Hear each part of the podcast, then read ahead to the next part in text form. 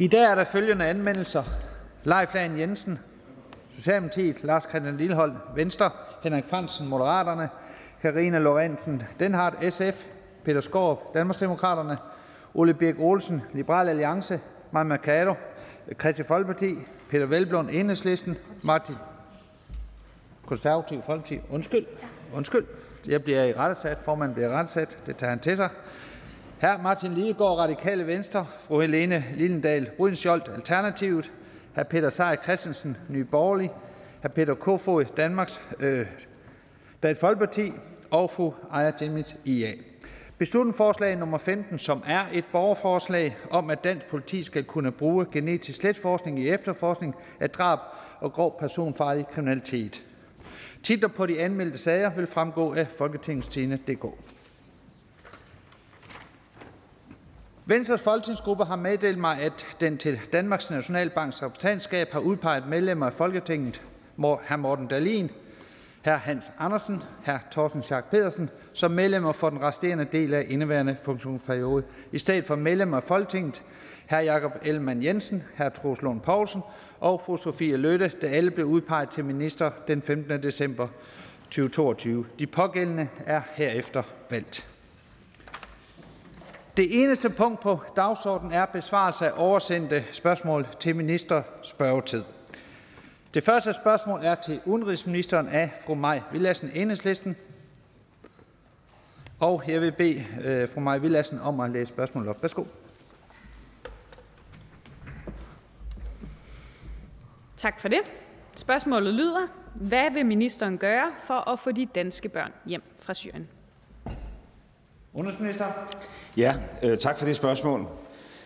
Altså med ærlighed kommer man længst. Øh, og derfor vil jeg bare sige, at øh, vi har dannet en ny regering, og vi har forhandlet et, øh, et ret fyldskørende regeringsgrundlag, men øh, vi har ikke forholdt os til øh, alle spørgsmål. Øh, og øh, det betyder, at øh, spørgsmålet om de tilbageværende danske børn i Roslejren i det nordøstlige Syrien, det er et af de spørgsmål, som regeringen fortsat mangler at sætte øh, to streger under.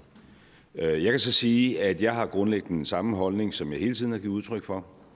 Øh, jeg må så også ærligt sige, at jeg fornemmer, at øh, de to andre partier i regeringen fortsat også har de samme holdninger, de tidligere har givet udtryk for.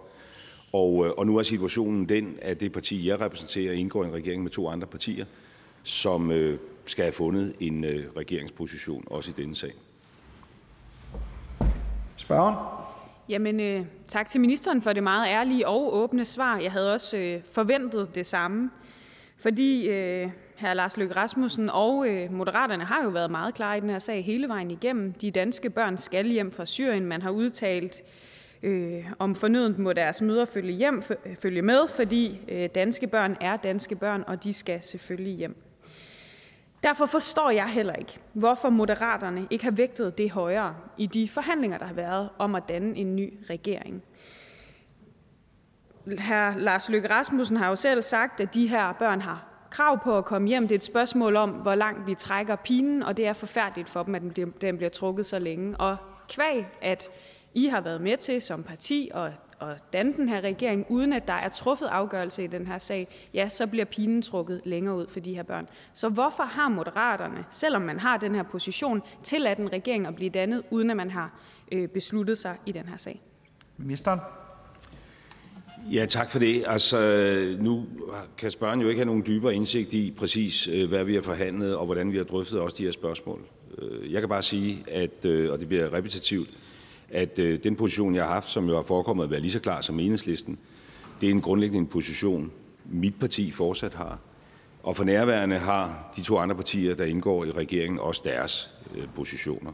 Men der er ikke truffet nogen endelig beslutning om en samlet regeringsposition i denne sag.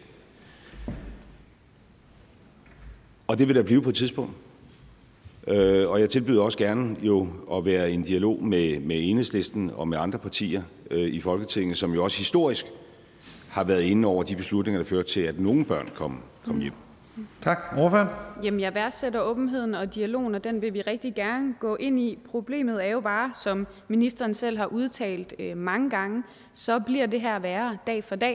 det er en stor udfordring sundhedsmæssigt for de her børn, sikkerhedsmæssigt for Danmark, og derfor bliver man nødt til at handle i den her sag. Og derfor vil jeg gerne fastholde ministeren på spørgsmålet om, hvordan man som øh, formand for Moderaterne har kunne lade den her regering blive dannet, uden at der har været afklaring på et spørgsmål, som forekom, i hvert fald for rigtig mange, meget centralt for netop øh, øh, ja, jeres parti. Minister? Tak for det. Jamen, det kunne jo eventuelt være, fordi at en afklaring i det forløb havde ført til en øh, forkert beslutning set med mine øjne. Øh, jeg er nødt til at sige, og det er ikke for at skærpe nogen tone her, at øh, enhedslisten var parlamentarisk grundlag for en tidligere regering i 1167 dage, øh, uden at få håndteret den her sag. Jeg har været minister i 27 dage. Og jeg takker selvfølgelig for øh, den øh, store tiltro, eller hvad det nu er, øh, der ligger bag det her pres på mig. Men altså, det er ligesom blandingsforholdene her. Jeg gentager, hvad jeg siger. Min holdning er uændret. Det er for nærværende også de to andre partiers.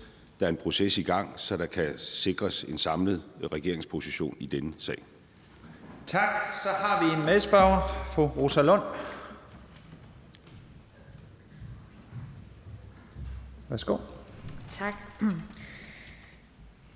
Og øh, tak til udenrigsministeren for, at vi endnu en gang, har jeg lyst til at sige, kan få lov til at diskutere det her spørgsmål. Sidst udenrigsministeren og jeg talte om det her, det var i det DR-program, der hedder Debatten, og det var i marts 2021, tror jeg nok, deromkring. Og øh, der skete der det mærkelige, at udenrigsministeren og jeg, vi stod på samme side, fordi vi synes, de her børn de skal hjem. Vi synes også, at deres mødre skal hjem. Og øh, derfor så har jeg stadigvæk bare en lille smule svært ved at forstå, når udenrigsministeren nu sidder i den magtfulde position, som udenrigsministeren sidder i nu, hvorfor er de her børn så ikke egentlig er på vej ind i en flyvemaskine og på vej til Danmark? Ministeren. Jeg sidder muligvis i en magtfuld position, men det gør jeg så i en regering, der består af tre partier, som hvis man øh, kan sin politiske historie, kan se, at jeg har haft øh, to forskellige øh, synspunkter omkring den her sag. Øh, og det synspunkt, de to af partierne har haft, det er de så øvrigt delt med et antal partier i Folketinget, der så vidt jeg kan regne fortsat udgør et øh, flertal i øh, Folketingssalen. Det kan man så øh, give op over for, eller man kan øh, lade nogle ting stå åbne. Og, øh, og jeg glæder mig sådan set over, at regeringen ikke har, altså for nærværende endnu, en position i den her sag, fordi det åbner sådan set muligheden for, at det kan regeringen få, og det åbner i hvert fald også teoretisk muligheden for, at den position, regeringen kan indtage, er en anden, end den der historisk har været indtaget. Spørgen? Det er fuldstændig rigtigt, at det åbner en mulighed for regeringen for at tage en anden position. Og der vil jeg da bare hjælpe udenrigsministeren lidt på vej. For nu er det jo sådan, at der er faldet en dom ved den europæiske menneskerettighedsdomstol, som afgør helt klart, at de her børn har krav på at være i Danmark. Det afgør det helt klart. Så det er ikke engang et spørgsmål om politik og hvad vi mener, og hvad vi som går og tænker og synes. Det er et spørgsmål om jura. Og udenrigsministeren og alle de andre ministre i regeringen ved jo godt, lige så vel som jeg, at den europæiske menneskerettighedsdomstol juridisk står over end for eksempel øh, byretten og højesteretten i Danmark. Så det er da en lille hjælp på vejen, vil jeg sige, til de her børn. Minister? Jamen, jeg takker øh, for hjælpen så, hvis det er, øh, er, er, er sådan, det er, det, det er tænkt. Øh, øh, bare nødt til at sige, at hvis det handler om at få hjælp til, hvordan man udnytter sin styrkeposition til at få truffet rigtige beslutninger, så er det jo tankevækkende, at øh, enhedslisten i 1267 dage var i den position, hvor man sådan set holdt den tidligere regering i live, øh, uden at kunne øh, få håndteret den her sag. Og nu altså i virkeligheden indirekte klandrer mig, som har været minister i 27 dage, for ikke at få det løst. Jeg er helt opmærksom på den øh, sag, der er afgjort ved øh, domstolen. Der er også en anden sag med dissens, jeg tror ikke desværre, det er helt så entydigt som det, der bliver lagt op her, men det er jo nogle af de ting, som øh, må vejes ind, når der skal tilvejebringes et beslutningsgrundlag for, at den her regering kan træffe en samlet beslutning om, hvad er regeringens position i den her sag. Tak. Og så har spørgeren mig Villadsen en enkelt spørgsmål mere. Værsgo.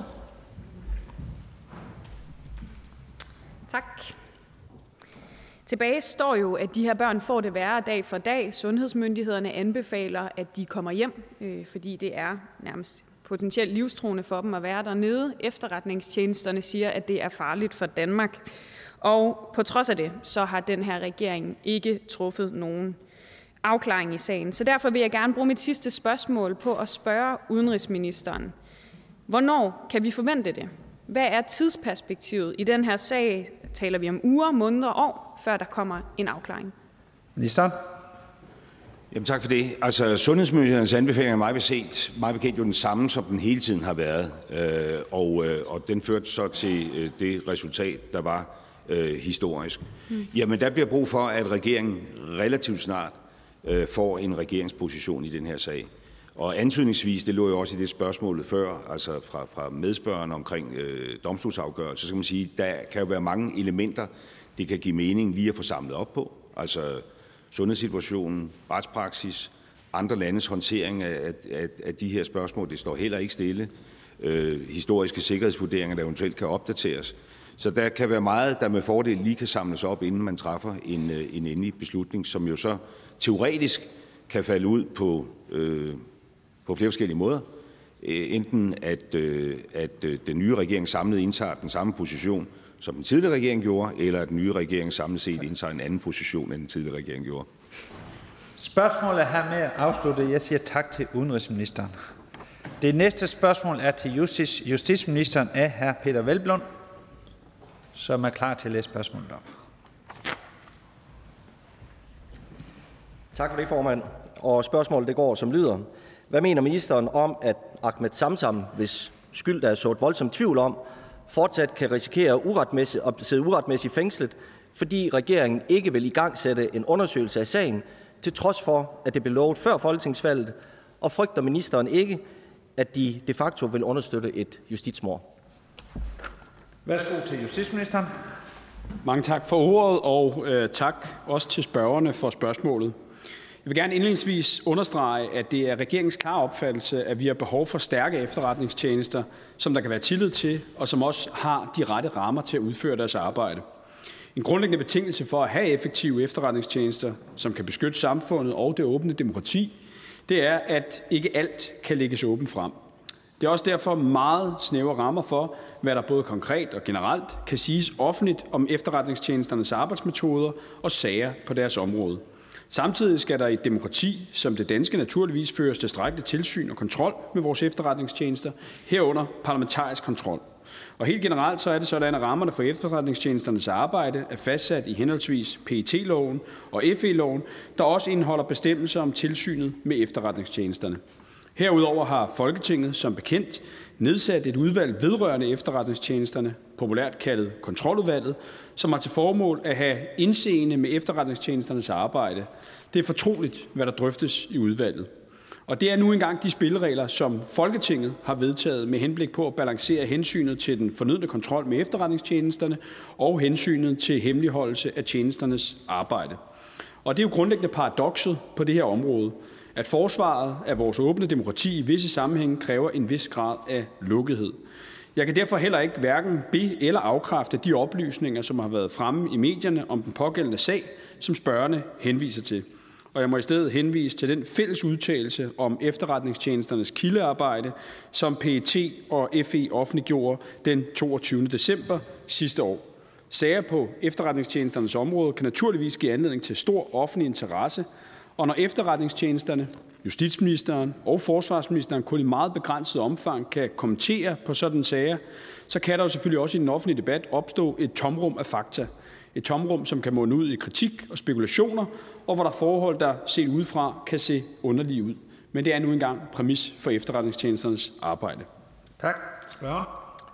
Jeg synes bare, det er vigtigt, og tak for svaret. Jeg synes, det er vigtigt at understrege det helt øh, fundamentale i denne her sag, fordi det handler om, hvis der er tale om personer, som sidder fængslet på et urigtigt grundlag, altså et justitsmord, så er det selvfølgelig en forpligtelse til at forhindre det.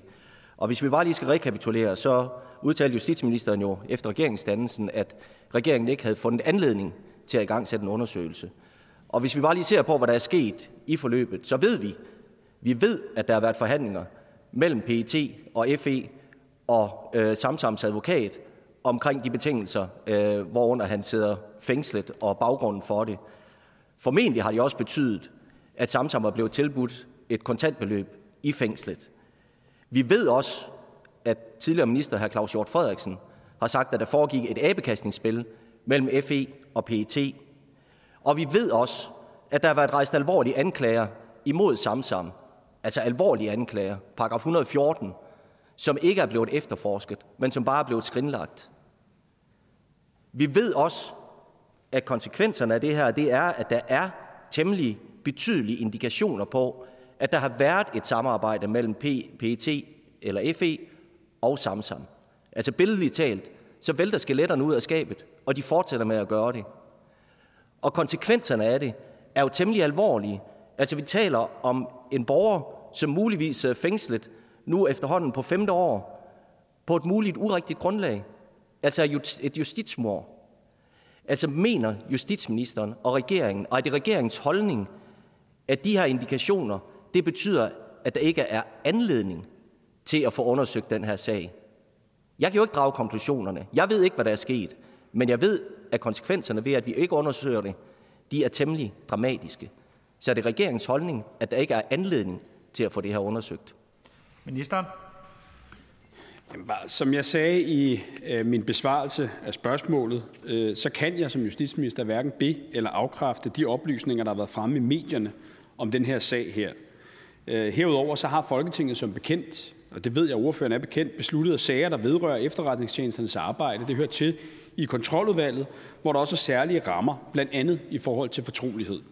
Og endeligt så vil jeg mere generelt, og i forhold til også den logik, der synes at præge debatten, gentage noget af det, som efterretningstjenesterne tidligere har oplyst, nemlig i deres udtalelse den 22. december, nemlig at efterretningstjenesterne som alle andre danske myndigheder skal agere inden for lovens rammer, ligesom det jo helt generelt også er sådan, at de almindelige strafferetlige regler også finder anvendelse på personer, som fungerer eller har fungeret som kilder for efterretningstjenesterne. Spørger? Men det gør jo netop noget ved tilliden, når der bliver rejst en betydelig tvivl om, hvorvidt det her det er foregået inden for lovens rammer. Og det bør der give anledning til, at man så også siger, at det her det skal vi have undersøgt. Og når justitsministeren siger, at PET og FE ikke kan oplyse om det samarbejde, der foregår, så har DR jo tidligere afsløret, at der, det har PET og FE netop gjort, eller PET tidligere gjort. Altså en sag tilbage fra, fra 2013, øh, som handlede om narkotikasal og våbenbesiddelse, hvor PET netop er inde og lave en skriftlig erklæring på, at der har været et samarbejde. Så det er jo ikke, fordi det ikke kan lade sig gøre. Og vi taler altså her om en borger, som muligvis sidder fængslet på et urigtigt grundlag, altså et muligt justitsmord. Det bør der give anledning til, at man får det her undersøgt med de respektive hensyn, der er til, at efterretningstjenesterne selvfølgelig skal kunne fungere. Ministeren? Jamen igen for at gentage, altså, øh, og som spørgeren jo korrekt øh, refererer, så har regeringen ikke fundet anledning til at nedsætte en undersøgelseskommission i forhold til de mediehistorier, der har været fremme om den her sag her. Det er regeringens opfattelse, at øh, det her spørgsmål om efterretningstjenesternes eventuelle nærmere ageren i den omtalte sag bør behandles inden for de rammer, der efter lovgivningen er fastsat for indsigt, tilsyn og kontrol. Så har vi en medspørger i fru Rosa Lund. Værsgo. Tak for det. Jamen, jeg vil egentlig bare øh, følge op, fordi justitsministeren ved jo lige så vel som jeg og øh, alle andre, at tilliden til et retssamfund er afgørende for, at det kan fungere. Og derfor vil jeg gerne høre, hvad er argumentet for, med hensyn til retssikkerheden, hvad er argumentet for, at man ikke vil undersøge det her? Fordi ministeren, ligesom jeg og jo store dele af befolkningen, må man bare sige, interesserer sig jo for den her sag, og vil gerne vide, hvad der er op, hvad der er ned, hvad der er foregået.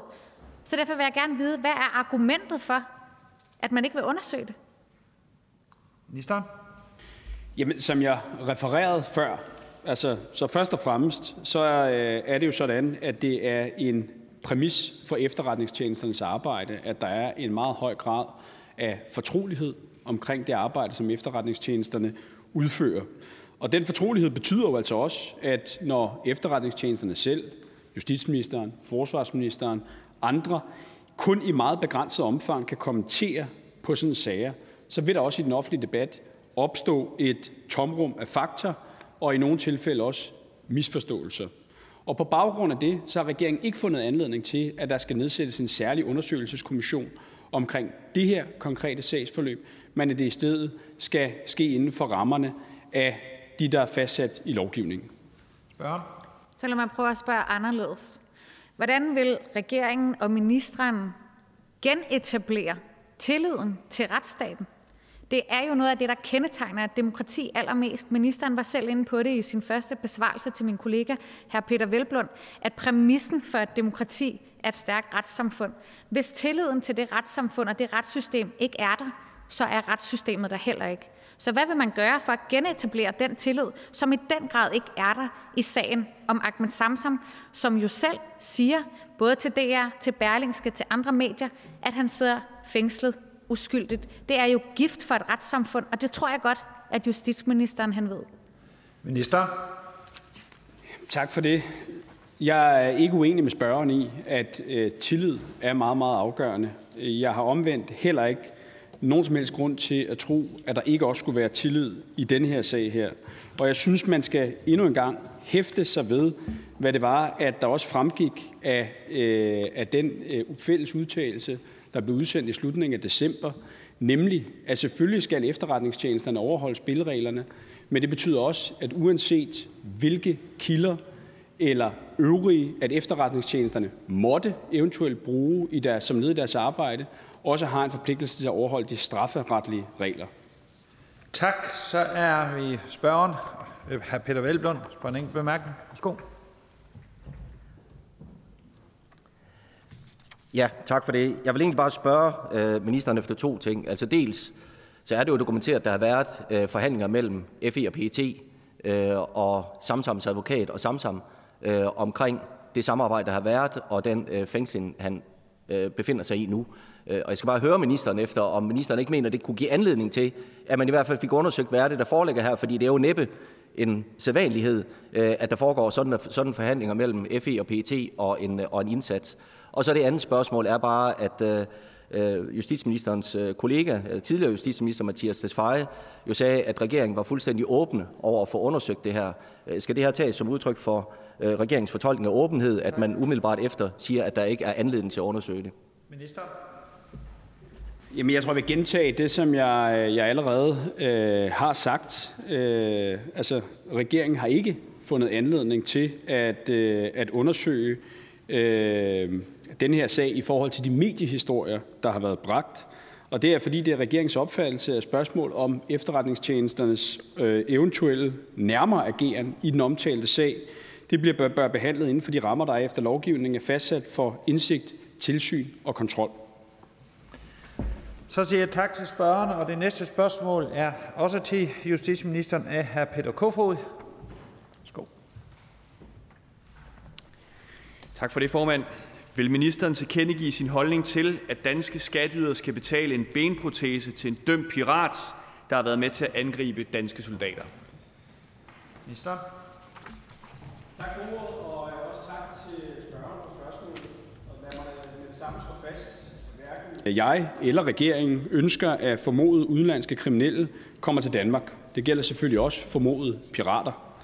Derfor besluttede min forgænger også at pålægge anklagemyndigheden at meddele tiltalefrafald til tre af de fire formodede pirater, som i efteråret 2021 blev taget til fange ombord på den danske fregat Esben Snare. Men som følge af de skader, den fjerde af de tilfangetagende formodede pirater havde pådraget sig i forbindelse med skudvekslingen med de danske soldater, så var der ikke andre muligheder end at tage ham til Danmark.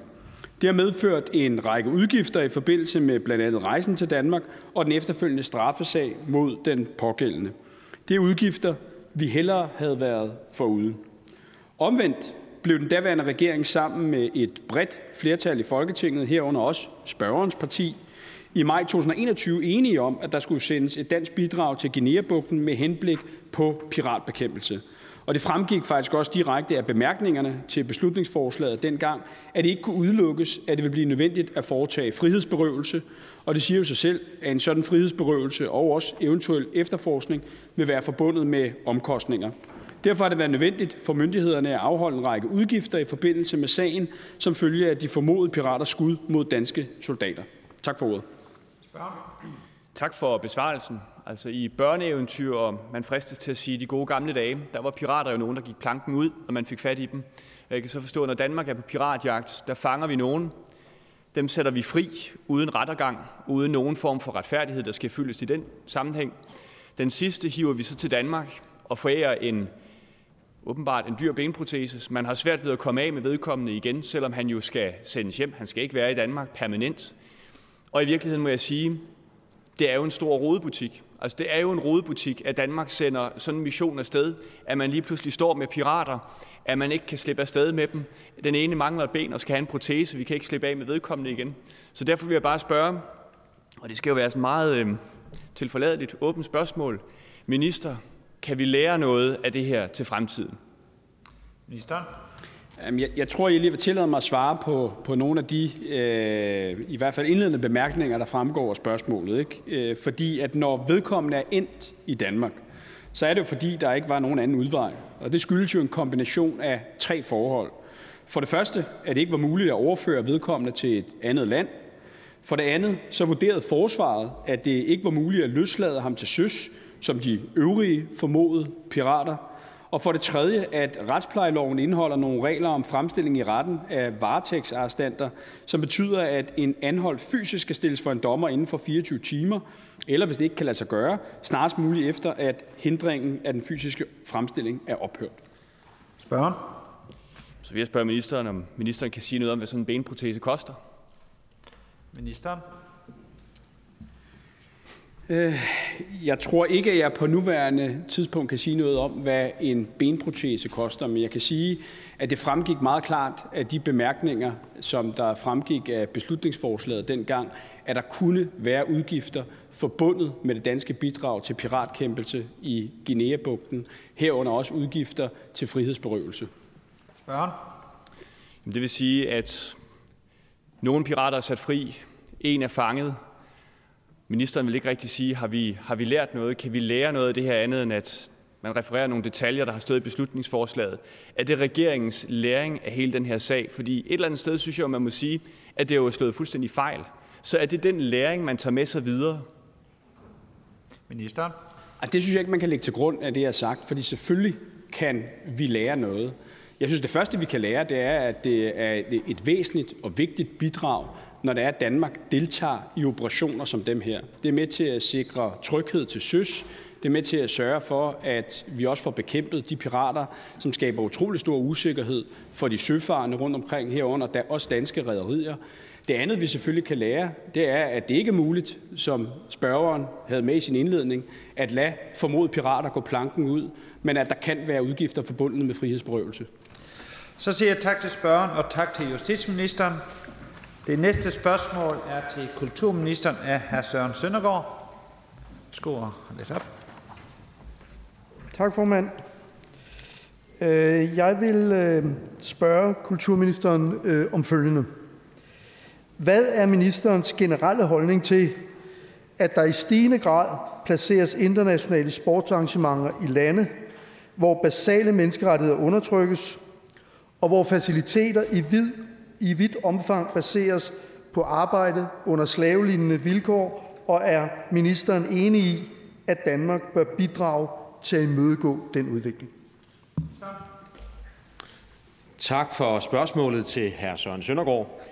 Det er jo første gang, jeg som minister øh, bliver stillet et mundtligt spørgsmål, og det er en fornøjelse, det sker på et emne, som jo ikke vækker begejstring, men som er utrolig vigtigt. Jeg er for at blive den begejstrede terminologi, meget lidt begejstret for, at internationale sportsarrangementer henlægges til lande, der hverken er demokratiske, som ikke overholder basale menneskerettigheder, som knægter frie medier, og som i øvrigt også forsøger i videst mulig omfang at fremstille sig selv som noget, de ikke er. Øhm, det arbejde, som hr. Søren Søndergaards parti og rigtig mange partier her i Folketinget har bakket op om med min tidligere ministerkollega, nuværende beskæftigelsesminister, øhm, Ane Halsbo, øhm, har i gang sat i en bred EU-kreds, det ønsker jeg frem, og det ønsker jeg skal danne grundlag for de beslutninger, hvormed vores idrætsorganisationer er med til at påvirke tildelingen af fremtidige mesterskaber, slutrunder, i de organisationer, hvor de kan være med til at påvirke beslutningerne af disse. Og det håber jeg sådan set, at spørgeren er, er enig med mig i. Det har jeg en formodning om, at hr. Søren Søndergaard muligvis er. Spørger? Tak for svaret. Altså, minister, det er jo, det er jo, altså, jeg er fuldstændig enig. Altså, det er jo absurd ud over alle grænser, at der bliver placeret øh, mesterskaber, steder, hvor øh, rettighederne for mennesker undertrykkes på den måde. Og at der ovenikøbet er, er firmaer, som, som bidrager til det og tjener penge på det. Altså det, det, det skal der gøres noget ved. Og derfor var vi jo også en del, som var øh, skuffet over den tidligere regering. Det skal Øh, ministeren jo ikke har noget ansvar for. Men vi var skuffet over den tidligere regering om, at man ikke kunne formå, da mesterskaberne fandt sted i Katar, klart og tydeligt at give udtryk for en holdning, enten ved at tage ned og demonstrere på en eller anden måde, at man var utilfreds med forholdene, eller ved at etablere en eller anden form for diplomatisk boykot. Øh, det kommer vi ikke til at opleve med denne her minister. Det er jeg rigtig glad for, at, at det ligesom er blevet afklaret allerede fra starten.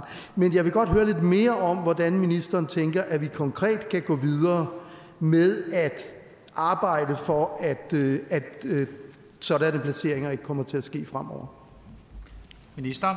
Nu er det jo som minister på området jo en selvstændig opgave at sørge for, at kulturordførende og medieordførende på, på, øh, på jeres område føler sig både godt behandlet, set og imødekommet. Øh, jeg, vil, jeg, jeg håber så, at jeg kan leve op til, til den store ros, her her Søren Søndergaard netop er kommet med. Jeg tror, det er vigtigt at skelne mellem to forhold. Det er jo desværre ikke den danske stat, der bestemmer og har indflydelse på, hvor de her sportsarrangementer ender henne. Det er jo de store idrætsorganisationer. Så sammen med Folketingets partier, med bredest mulig opbakning, ønsker jeg at fortsætte det arbejde, hvormed vi påvirker vores idrætsorganisationer til at tage stilling til fordel for slutrunder, mesterskaber i demokratiske lande, der respekterer menneskerettigheder. Det næste er så, at sport jo også samler os, skaber fællesskab. Og derfor kan vi jo ikke være sikre på, at alle de arrangementer vil ligge i lande, der ligner os. Og jeg skal vende mig til at tale tiden er kortere end umiddelbart forventet, kan jeg mærke. Tak for mig. Det er korrekt. Men jeg tror, jeg fik pointen. Jeg tror, jeg fik pointen, og det er jo rigtigt, at der er to elementer i det her. Der er både det at sørge for at arbejde for og understøtte, at sådanne arrangementer aldrig bliver placeret de steder, hvor de ikke bliver placeret. Og så hvis de er der, er blevet placeret der, hvordan vi så forholder os til det og viser vores øh, modstand mod, at de er blevet placeret der. Og det er jo ligesom, det er to opgaver, og begge ligger jo i vid udstrækning på, på ministerens bord. Men jeg tænker, øh, jeg er jo fuldstændig enig i, at der foregår et arbejde i EU. Jeg er også enig i, at der foregår et arbejde i forhold til de danske sportsorganisationer. Vil ministeren tage et initiativ for, at Folketingets partier tager en drøftelse af det her? Minister. Det vil jeg bestemt ikke afvise. I det hele taget ønsker jeg jo at inkludere ordførerkredsen med al den kreativitet og de konkrete forslag, der måtte være i den kreds, således at arbejdet kan viderebringes. Indtil videre er der 21 EU-lande, Island og Norge, der har, opst- der har tilsluttet sig den erklæring, min forgænger fremsatte. Det kan være, at vi kan bringe den et niveau videre. Det kan også være, at vi kan gå for os på andre områder. Jeg er lutterøre. Spørger? Nu skal man selvfølgelig passe på med at være for glad for, at ministeren ikke vil afvise at gøre et eller andet, men øh, jeg tager det positivt og, og ser frem til, at ministeren tager det initiativ. Fordi alternativet er jo, som det også har været tidligere, så skal vi have samråd og spørgsmål osv., og, og der er det jo lettere, at vi prøver at lave det organiseret. Så jeg, jeg ser frem til, at, øh, at ministeren tager det initiativ på det område, og tak for svaret. Minister? Jeg vil egentlig også sige tak til, til hr. Søren Søndergaard. Det er en vigtig debat, og vi kommer til at opleve den mange år ude i fremtiden. Allerede nu kan vi jo se, at fordelingen af slutrunder og mesterskaber jo følger en ikke for mig logisk øh, metodik og mere gennemsigtighed, mere åbenhed om det, vi deler i forhold til de demokratiske principper. Og gennemsigtighed er jo noget, vi arbejder for i fællesskab. Tak for spørgsmålet. Så siger jeg tak til kulturministeren, og vi går til næste spørgsmål, som er til erhvervsministeren, også af børgen hr. Søren Søndergaard. Øh, ja tak. Øh, og det jeg vil spørge øh, erhvervsministeren om, det er øh, følgende. Finder ministeren det i overensstemmelse med Vækstfondens formål og formuleret politik, at Vækstfonden ejer knap 20 procent af firmaet Blast APS, som i december 2022 stod bag en af verdens største Counter-Strike-turneringer i Abu Dhabi, og at penge fra danske skatteydere af den vej bidrager til afholdelse af et internationalt sportsarrangement et sted, hvor basale menneskerettigheder undertrykkes, og hvor faciliteter i vidt omfang baseres på arbejde under slavelignende vilkår. Minister. Tak for det, øhm, og tak for spørgsmålet til øh, spørgeren. Jeg deler selvfølgelig opfattelsen af, at spørgsmålet om menneskerettigheder og ikke mindst også arbejdstagerrettigheder er helt centrale Det er centrale værdier for det danske samfund øh, og også for vores øh, virksomheder, når de bevæger sig ud i verden. Og det gælder selvfølgelig også i forhold til Vækstfondens investeringer. Vækstfonden, som jo nu er en del af Danmarks Eksport- og Investeringsfond, ja, den skal jo som bekendt støtte danske virksomheders vækst og også øh, forretningsudvikling. Og et sted, hvor vi ser meget stor vækst endda og forretningsudvikling, ja, det er inden for gaming. Det tror jeg, der er rigtig mange øh, børnefamilier ikke mindst, øh, der kan skrive under på at der er godt gang i den øh, branche. Det er en branche, hvor danske virksomheder markerer sig, og hvor der er store muligheder også for øh, danske virksomheder. IFO, som fonden nu hedder, ja, den skal selvfølgelig sikre øh, øh, ordentlige standarder i de virksomheder, der investeres i for skatteborgernes penge. Det betyder konkret, at Vækstfonden jo har forpligtet sig til at efterleve FN's retningslinjer for menneskerettigheder og også øh, erhverv samt OECD's retningslinjer for multinationale virksomheder. Herudover ja, så skal fondens forretninger foretages med respekt for FN's menneskerettigheder, inklusiv ILO's konventioner om arbejdstagerrettigheder. Det gælder både i fondens Øh, egne forhold og i relation til deres finansieringer og investeringer. I det konkrete øh, tilfælde, som øh, spørgeren spørger til her, ja, der øh, vil jeg henvise til, at jeg har bedt øh, fonden, altså IFO, om at redegøre, øh, om alle fondens standarder er øh, overholdt. Og når jeg har modtaget den her redegørelse, så vil jeg dele den med Folketinget. Jamen, jeg vil jo sige tak. Altså, det havde også undret mig, hvis, hvis ministeren... Jeg kender jo ministeren som en stor sponsentusiast, og det, altså, det er jo smerteligt at se fodbolds-VM blive holdt i Katar. Det er smerteligt at se ens barndomsklub blive købt af en amerikansk kapitalfond. Altså, jeg har jo fuldstændig forståelse for ministerens følelser i den her sag, og derfor er jeg også glad for, at ministeren vil gøre noget. Men jeg vil godt lige læse op, hvad der, hvad der faktisk står i Vækstfondens øh, manual. Der står, at ansvarlighed og samfundsafkast er to af de pejlemærker, Vækstfonden styrer efter i vurdering af projekter. I forvaltningen af Vækstfondens indsats er det vigtigt, at en virksomhed ikke blot er økonomisk bæredygtig, men også bæredygtig i samfundsmæssig forstand, det gælder både i forhold til mennesker, miljø og samfund, som Vækstfonden er en del af. Vækstfonden foretager således vurdering af samfundsansvar, herunder risici for negativ indvirkning på menneskerettigheder, miljø, antikorruption, som er en del af Vækstfondens due diligence. Og der er det bare, altså, kan ministeren ikke allerede løfte sløret nu for, at med denne her klare målsætning, som Vækstfonden har, der kan det ikke være særlig hensigtsmæssigt, at man støtter faktisk står bag kæmpemæssige arrangementer i et land som øh, Abu Dhabi. Ministeren. Jeg tror, jeg vil henholde mig til det, som øh, kan være grundlag for en videre dialog øh, med Folketinget, nemlig at nu beder jeg om en redegørelse for det her konkrete arrangement, Øh, og det er jeg glad for, at øh, spørgeren også synes er en ganske udmærket idé. Og så kan man jo læse øh, Vækstfondens retningslinjer for deres aktiviteter. De er som gengivet af spørgeren. Og når jeg har modtaget den redegørelse, så deler jeg den hjertens gerne med Folketinget, og så kan den jo danne grundlag for en videre diskussion af det her. Det er klart, der er øh, jo investeringer, som foretages af Vækstfonden, og der er investeringer, som øh, med Vækstfondens midler er med til at skabe øh, rigtig mange danske arbejdspladser. Øh, og det betyder også, at danske virksomheder selvfølgelig også skal have lige konkurrencevilkår med andre virksomheder uden for landets grænser også. Men den diskussion må høre sammen med øh, den diskussion, som måtte komme, eventuelt må komme, når vi ser redegørelsen for Vækstfonden. Spørgen?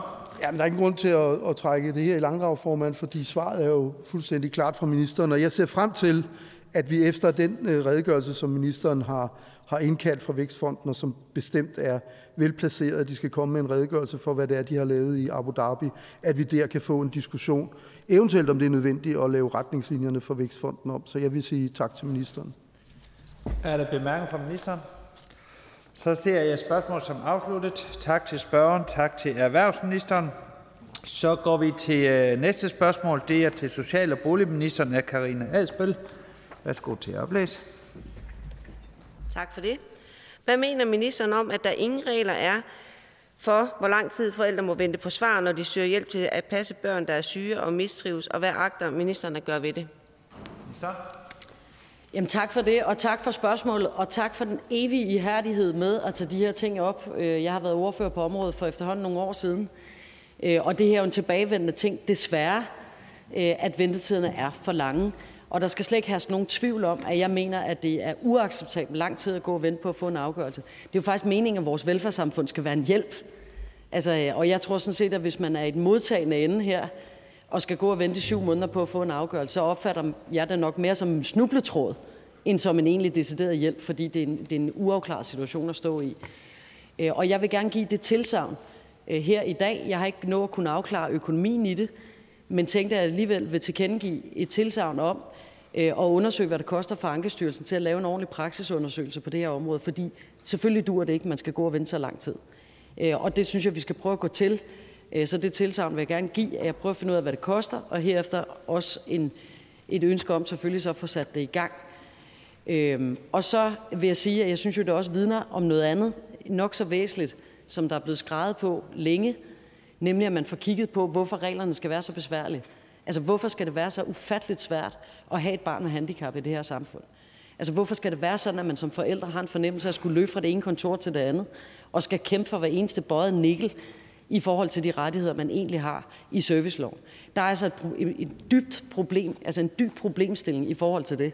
Og det betyder jo, at der er en stigning i antallet, øh, der får det, der hedder tabt arbejdsfortjeneste. Simpelthen fordi hele familier presser sammen under vægten af det her, og børnene ender med at skolevære for mange vedkommende så lang tid, øh, at, at man ender med at skulle være på tabt arbejdsfortjeneste. Det var egentlig slet ikke det, man ville fra start af. Sådan er det for en hel del af dem, øh, som afspejler den stigning, der ligger i spørgsmålet om tabt arbejdsfortjeneste. Og det vil jeg også gerne give et tilsavn om, at det er noget af det, vi kommer til at kigge på som regering. Altså hele den organisering, der er øh, af handicapområdet. Det har vi også skrevet om i regeringsgrundlaget. Spørg? Ja, altså, øh, vi behøver sådan set ikke nogen øh, praksisundersøgelse, minister, fordi at øh, det viser sig jo, at, øh, at, at de her sagsbehandlingstider, de er alt for lange. Øh, og flere af kommunerne har ikke engang overblik over det selv, i forhold til, hvor lange der sagsbehandlingstider er. Øh, jeg har selv været inde og kigge i dag, og der står jo på flere af kommunernes hjemmeside. Jeg var glad for, at jeg i sin tid var banderfører for, at øh, det skulle offentliggøres på kommunernes hjemmeside, så familierne kunne følge med. Der står sådan cirka 8 uger ved mange kommuner. Og det er jo faktuelt sådan, at familier de skal kæmpe i dag, når de har et, et, et barn med handicap, og de skal øh, kæmpe rigtig meget. Et er, at man skal være forældre for sit syge barn. Noget andet er, at man sådan set også skal være socialrådgiver og jurist og alt andet oveni. Så derfor det der med, at der kommer en praksisundersøgelse, hvordan øh, hjælper det familierne helt praktisk nu og her? Øh, vi øh, har den her artikel blandt andet for DR, og der er andre artikler, vi kan, og det er et gentagende problem. Man må da som krav kunne stille til kommunerne, at de simpelthen overholder deres egen sagsbehandlingsfrister. Altså det er jo kommunalbestyrelsen, der sætter de her frister øh, i forhold til vejledende frister på deres hjemmeside, øh, og dem kan de ikke engang selv overholde. Så ja, derfor er min bekymring nu, at så kommer der en undersøgelse, og vi ved jo sådan set godt, hvor galt det står til på det her, øh, på det her område. Så vi har nok mere brug for noget handling. Jeg tænker, at familierne har brug for noget handling, og et svar fra ministeren, som siger, ja, øh, der kommer handling. Altså, det er uacceptabelt. Man skal ikke gå over et halvt år og vente på en ansøgning om tabt arbejdsfortjeneste, fordi imens kan familien gå af opløsning. Det kan ende med skilsmisse. Øh, der er en husleje, der skal betales, og der skal mad på bordet. Så jeg tænker, om ministeren ikke kunne gøre det lidt bedre i forhold til, at der kommer en praksisundersøgelse. Minister. Altså, jeg tror sådan set heller ikke, at praksisundersøgelsen på den måde det, der hjælper. Det, jeg tror hjælper, er, at vi ændrer på handicapområdet. Altså, vi har jo grundlæggende bygget et system op, hvor at hvis man får et barn med handicap, så har vi i vores samfund en forventning om, at vi har et velfærdssamfund, der hjælper. Men rigtig mange af dem, der får et barn med handicap, oplever simpelthen det omvendt. At det er den ene snubletråd efter den anden, fordi man skal rende fra Herodes til Pilatus. Så er der så også lange sagsbehandlingstider. Men en del af det handler jo simpelthen om, at vi bygger fuldstændig vanvittige systemer op omkring, hvad der skal til, for at få tilkendt ting, man har ret til ifølge loven. Og det er jo den forandring af det system, der skal hjælpe øh, borgere øh, med handicap. Praksisundersøgelsen kan så hjælpe os med at få kommunerne til at gøre det, de egentlig skal. Spørgen? Jamen, jeg er sådan set helt enig i, i forhold til, at det specialiserede øh, område, øh, det trænger gevaldigt. Øh, det er den ene ting, og, og det er jo en lang proces, øh, man skal i gang, og man skal sætte arbejdet i gang.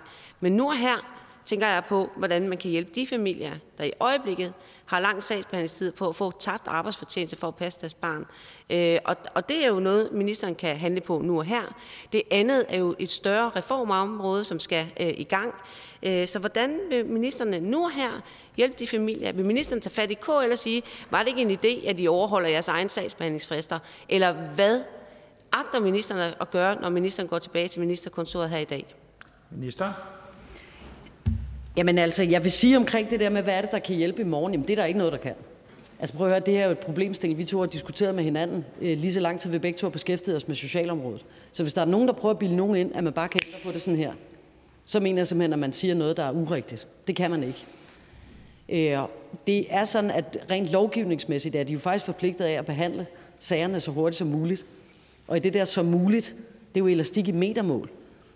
Og det er jo, altså, så, så det man kan sige, det er, når der er en kæmpe stigning i et område, som der er her, øh, så bliver så muligt de der meget lange sagsbehandlingstider. Og jeg spørger bare helt fundamentalt set, hvorfor er det overhovedet, at man som forældre skal opleve at skulle igennem alle de sagsgange? Det kunne være, at det var dem, vi skulle gøre noget ved. Det hjælper ikke i morgen, for det er jo rigtigt, det er et stykke reformarbejde.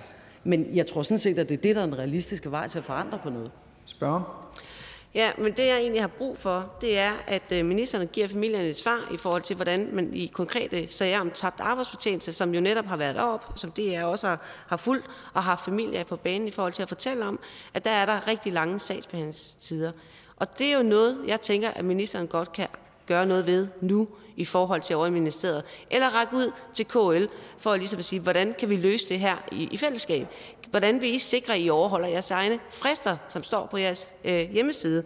Altså, så jeg skal bare forstå, vil ministeren vente på hele reformarbejdet? Altså, der er jo nogle ting, man godt kan gøre nu, uden at man går i gang med det hele. Selvfølgelig skal man øh, have et, et kæmpestort reformarbejde. Det er jo ikke kun øh, sagsbehandlingsfrister på, på tabt arbejdsfortjeneste. Det er selvfølgelig hele området. Ja, Men nu og her, der står der familier, som har brug for hjælp. Ministeren? Men altså, jeg kan jo godt forsøge at stikke alle mulige blå i øjnene, fordi jeg kan jo altid indkalde KL til et eller andet møde. Men altså, det har vi også begge to arbejdet på felten så mange gange, at det ved vi er sket. Jeg ved ikke, hvor mange gange. Det løser ikke problemet. Og det vil sige, at vi kan jo godt, få, vi kan jo godt fremstå enormt slagkraftigt ved at sige, så vil jeg indkalde den ene og den anden, og så vil jeg sende et brev til den ene og den anden. Virkeligheden er, at det her område på lange stræk er ødelagt. Det kan ikke det, det fundamentalt set skal. Og det er jo det stykke arbejde med at reparere på det, jeg mener skal sættes i gang. Ellers så kan vi to underholde hinanden de næste 10 år yderligere med, at man skal sende brev til kommunen, eller man skal indkalde dem til et eller andet møde. Jeg tror ikke på det. Jeg tror, vi skal lave det stykke reformarbejde, og det tror jeg er det eneste, der virker. Så siger jeg tak til spørgeren og tak til social- og boligministeren. Og vi går til næste spørgsmål, som er til beskæftigelsesministeren, er hr. Pelle Dragsted.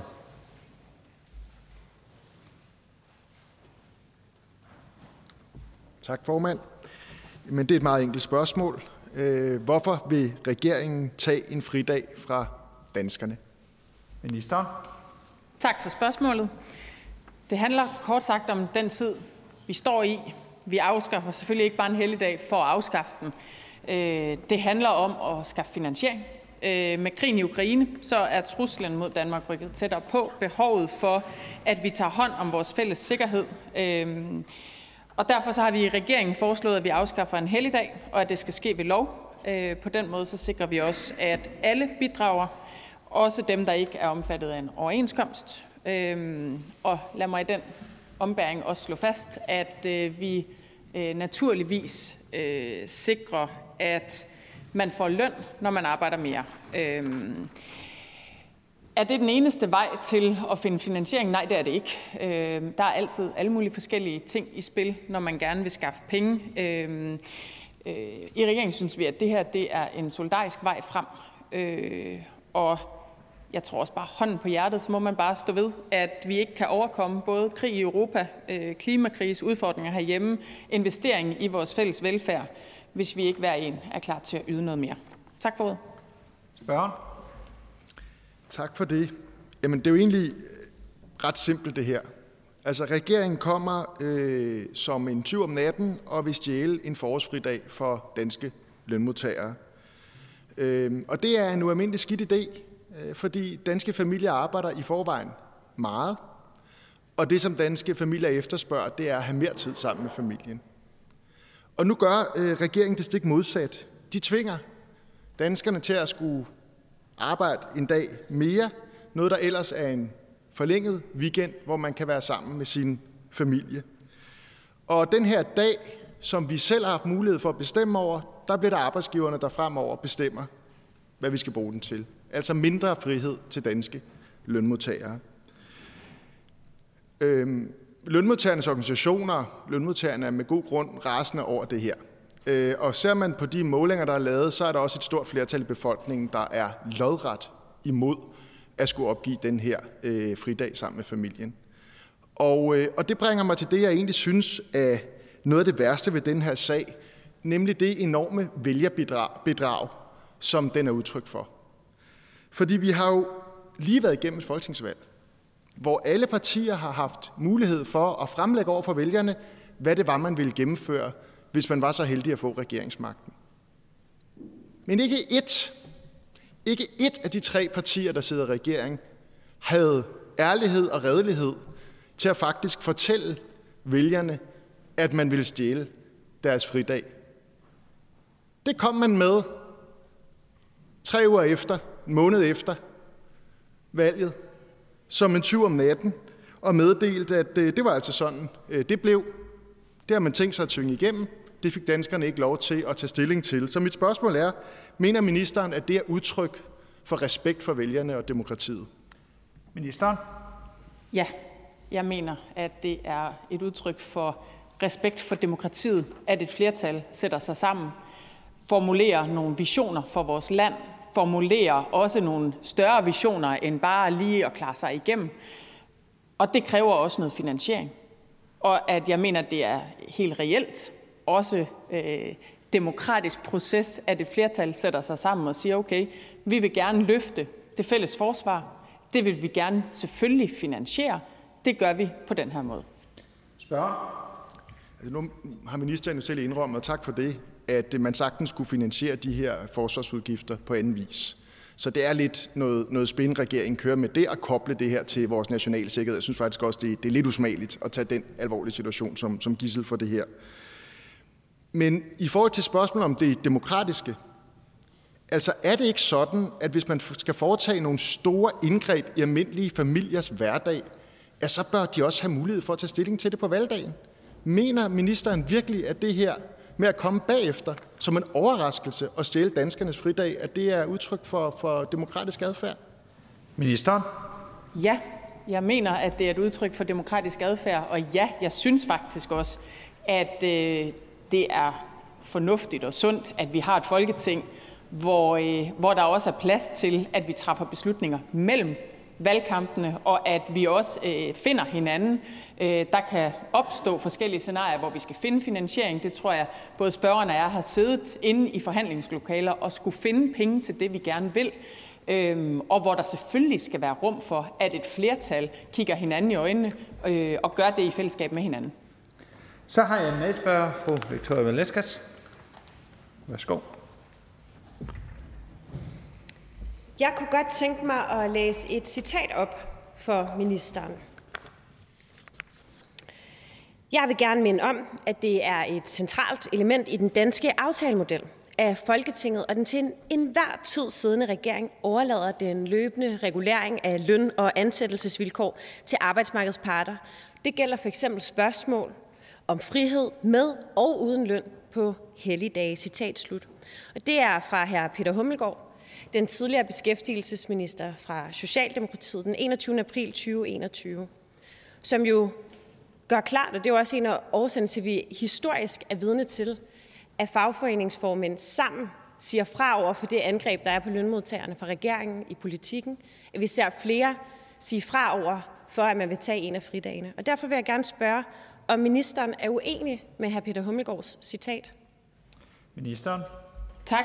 Jamen, øh, det citat øh, er i relation til, at han bliver spurgt om øh, flex-helligdage, og om man ikke politisk lige skulle håndtere, at lønmodtagerne kunne få nogle flex-helligdage, og at det er der plads til at kæmpe ind i sine overenskomster. Det er jeg sådan set fuldstændig enig i. Jeg er også enig i, at vi grundlæggende skal have respekt for den danske aftalemodel, og det har både jeg og regeringen også. Spørgen?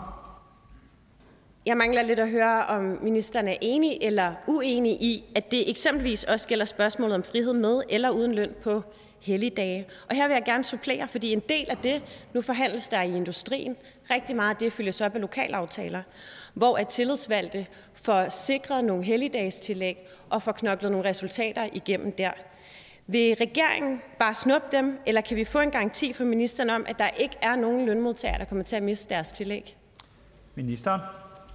Øh, nej, den garanti kan jeg ikke give, men i det hele taget, så vil jeg da godt sige, at øh, det her lovforslag det øh, arbejder vi på højtryk for, at alle detaljerne kommer øh, på plads, så vi kan komme frem med det. Og så synes jeg, vi skal diskutere hver eneste lille del øh, af, hvad ordføreren har, har behov og mulighed for at dykke ned i. Så svarer jeg selvfølgelig meget gerne, men vi er nødt til at have det konkrete lovforslag, og det arbejder vi på højtryk for at få frem. Så går vi tilbage til spørgeren her, Pelle Dragsted. En enkelt bemærkning. Men det er jo dybt bekymrende, det som ministeren lige har svaret. Altså det, som ministeren lige har stået og sagt, det er, at tillæg, som lønmodtagerne har tilkæmpet sig i den danske aftalemodel i deres overenskomster, at dem kan regeringen ikke garantere, at man ikke kommer og stjæler fra dem. Altså giver arbejdsgiverne en betydelig besparelse den dag, hvor man skal arbejde mere, mens lønmodtagerne kommer til at opgive. Det, er jo, det betyder en tilbagegang i månedslønnen for dem, som arbejder store bededag. Kan, må jeg bare bede ministeren om at, at gentage, at man ikke kan garantere, at man ikke vil tage løn op af lommerne på danske lønmodtagere ved et politisk indgreb? Minister? Jeg vil meget gerne gentage, at øh, det helt konkrete lovforslag det er lige på trapperne, og så kommer vi til at kunne øh, se i sin helhed øh, alle detaljer i det. Så diskuterer jeg det selvfølgelig også meget gerne, men også bare meget gerne her. Også helt ærligt stå og sige, at det regeringen vil, det er, at vi har en helligdag mindre i vores land og vil lov øh, gøre en helligdag til en almindelig arbejdsdag. Ja, og det har selvfølgelig nogle øh, altså betydning for, øh, at vi skal arbejde mere. Det siger vi også øh, helt åbent og ærligt.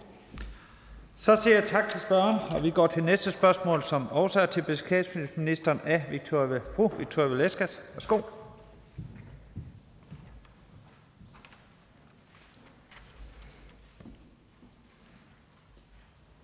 Kan vi få noget øh, lyd eller noget? Hvorfor vil regeringen forringe pensionsvilkårene for nedslidte lønmodtagere? Ministeren. Tak for spørgsmålet. Øh, vi har jo netop med regeringsgrundlaget lagt en øh, række forslag frem til, hvordan vi kan fremtidssikre, hvordan vi kan også for nogens vedkommende forenkle, men også hvordan vi kan reformere øh, vores samfund, også på beskæftigelsesområdet, sådan at vi, øh, at vi kommer styrket ud på den anden side. Øh, en af de ting, der ligger i det, er, at øh, vi kigger på vores pensionssystem. Vi har et af verdens bedste, det skal vi også have i fremtiden, øh, inklusiv en mulighed for at kunne trække sig værdigt tilbage. Men ja, det er en helt central del af regeringens reformprogram, at vi vil sammenlægge tidlig pension og seniorpension. Det forslag handler om, i mine øjne, at finde de rette balancer. Vi har to ordninger i dag, tidlig pension, seniorpension. De giver begge dele øh, mennesker med lange arbejdsliv mulighed for at trække sig tidligere tilbage. Øh, det vil vi gerne forenkle, så to ordninger bliver til én. Og øh, det er jeg da helt ærlig omkring. Sammenlægningen vil i fremtiden betyde, at øh, der er lavere ydelse og færre år på tidligere tilbagetrækning for dem, der visiteres til ordningen, men samtidig jo også, at det for andre vil betyde det omvendte. At nogle af dem, der er på det, vi kender som Arne-pensionen, vil opleve forbedringer. At øh, man kan være der i længere tid, og at man får en højere ydelse. Og det vil sige, at der, der er vigtige balancer i det her, øh, øh, som trækker begge veje. Det er vi fuldstændig ærlige omkring. Øh, samlet set så vil der være med vores øh, forslag øh, til en tilbagetrækningsordning være færre udgifter, men samtidig også nogle vigtige balancer. Tak for ordet. Spørgen.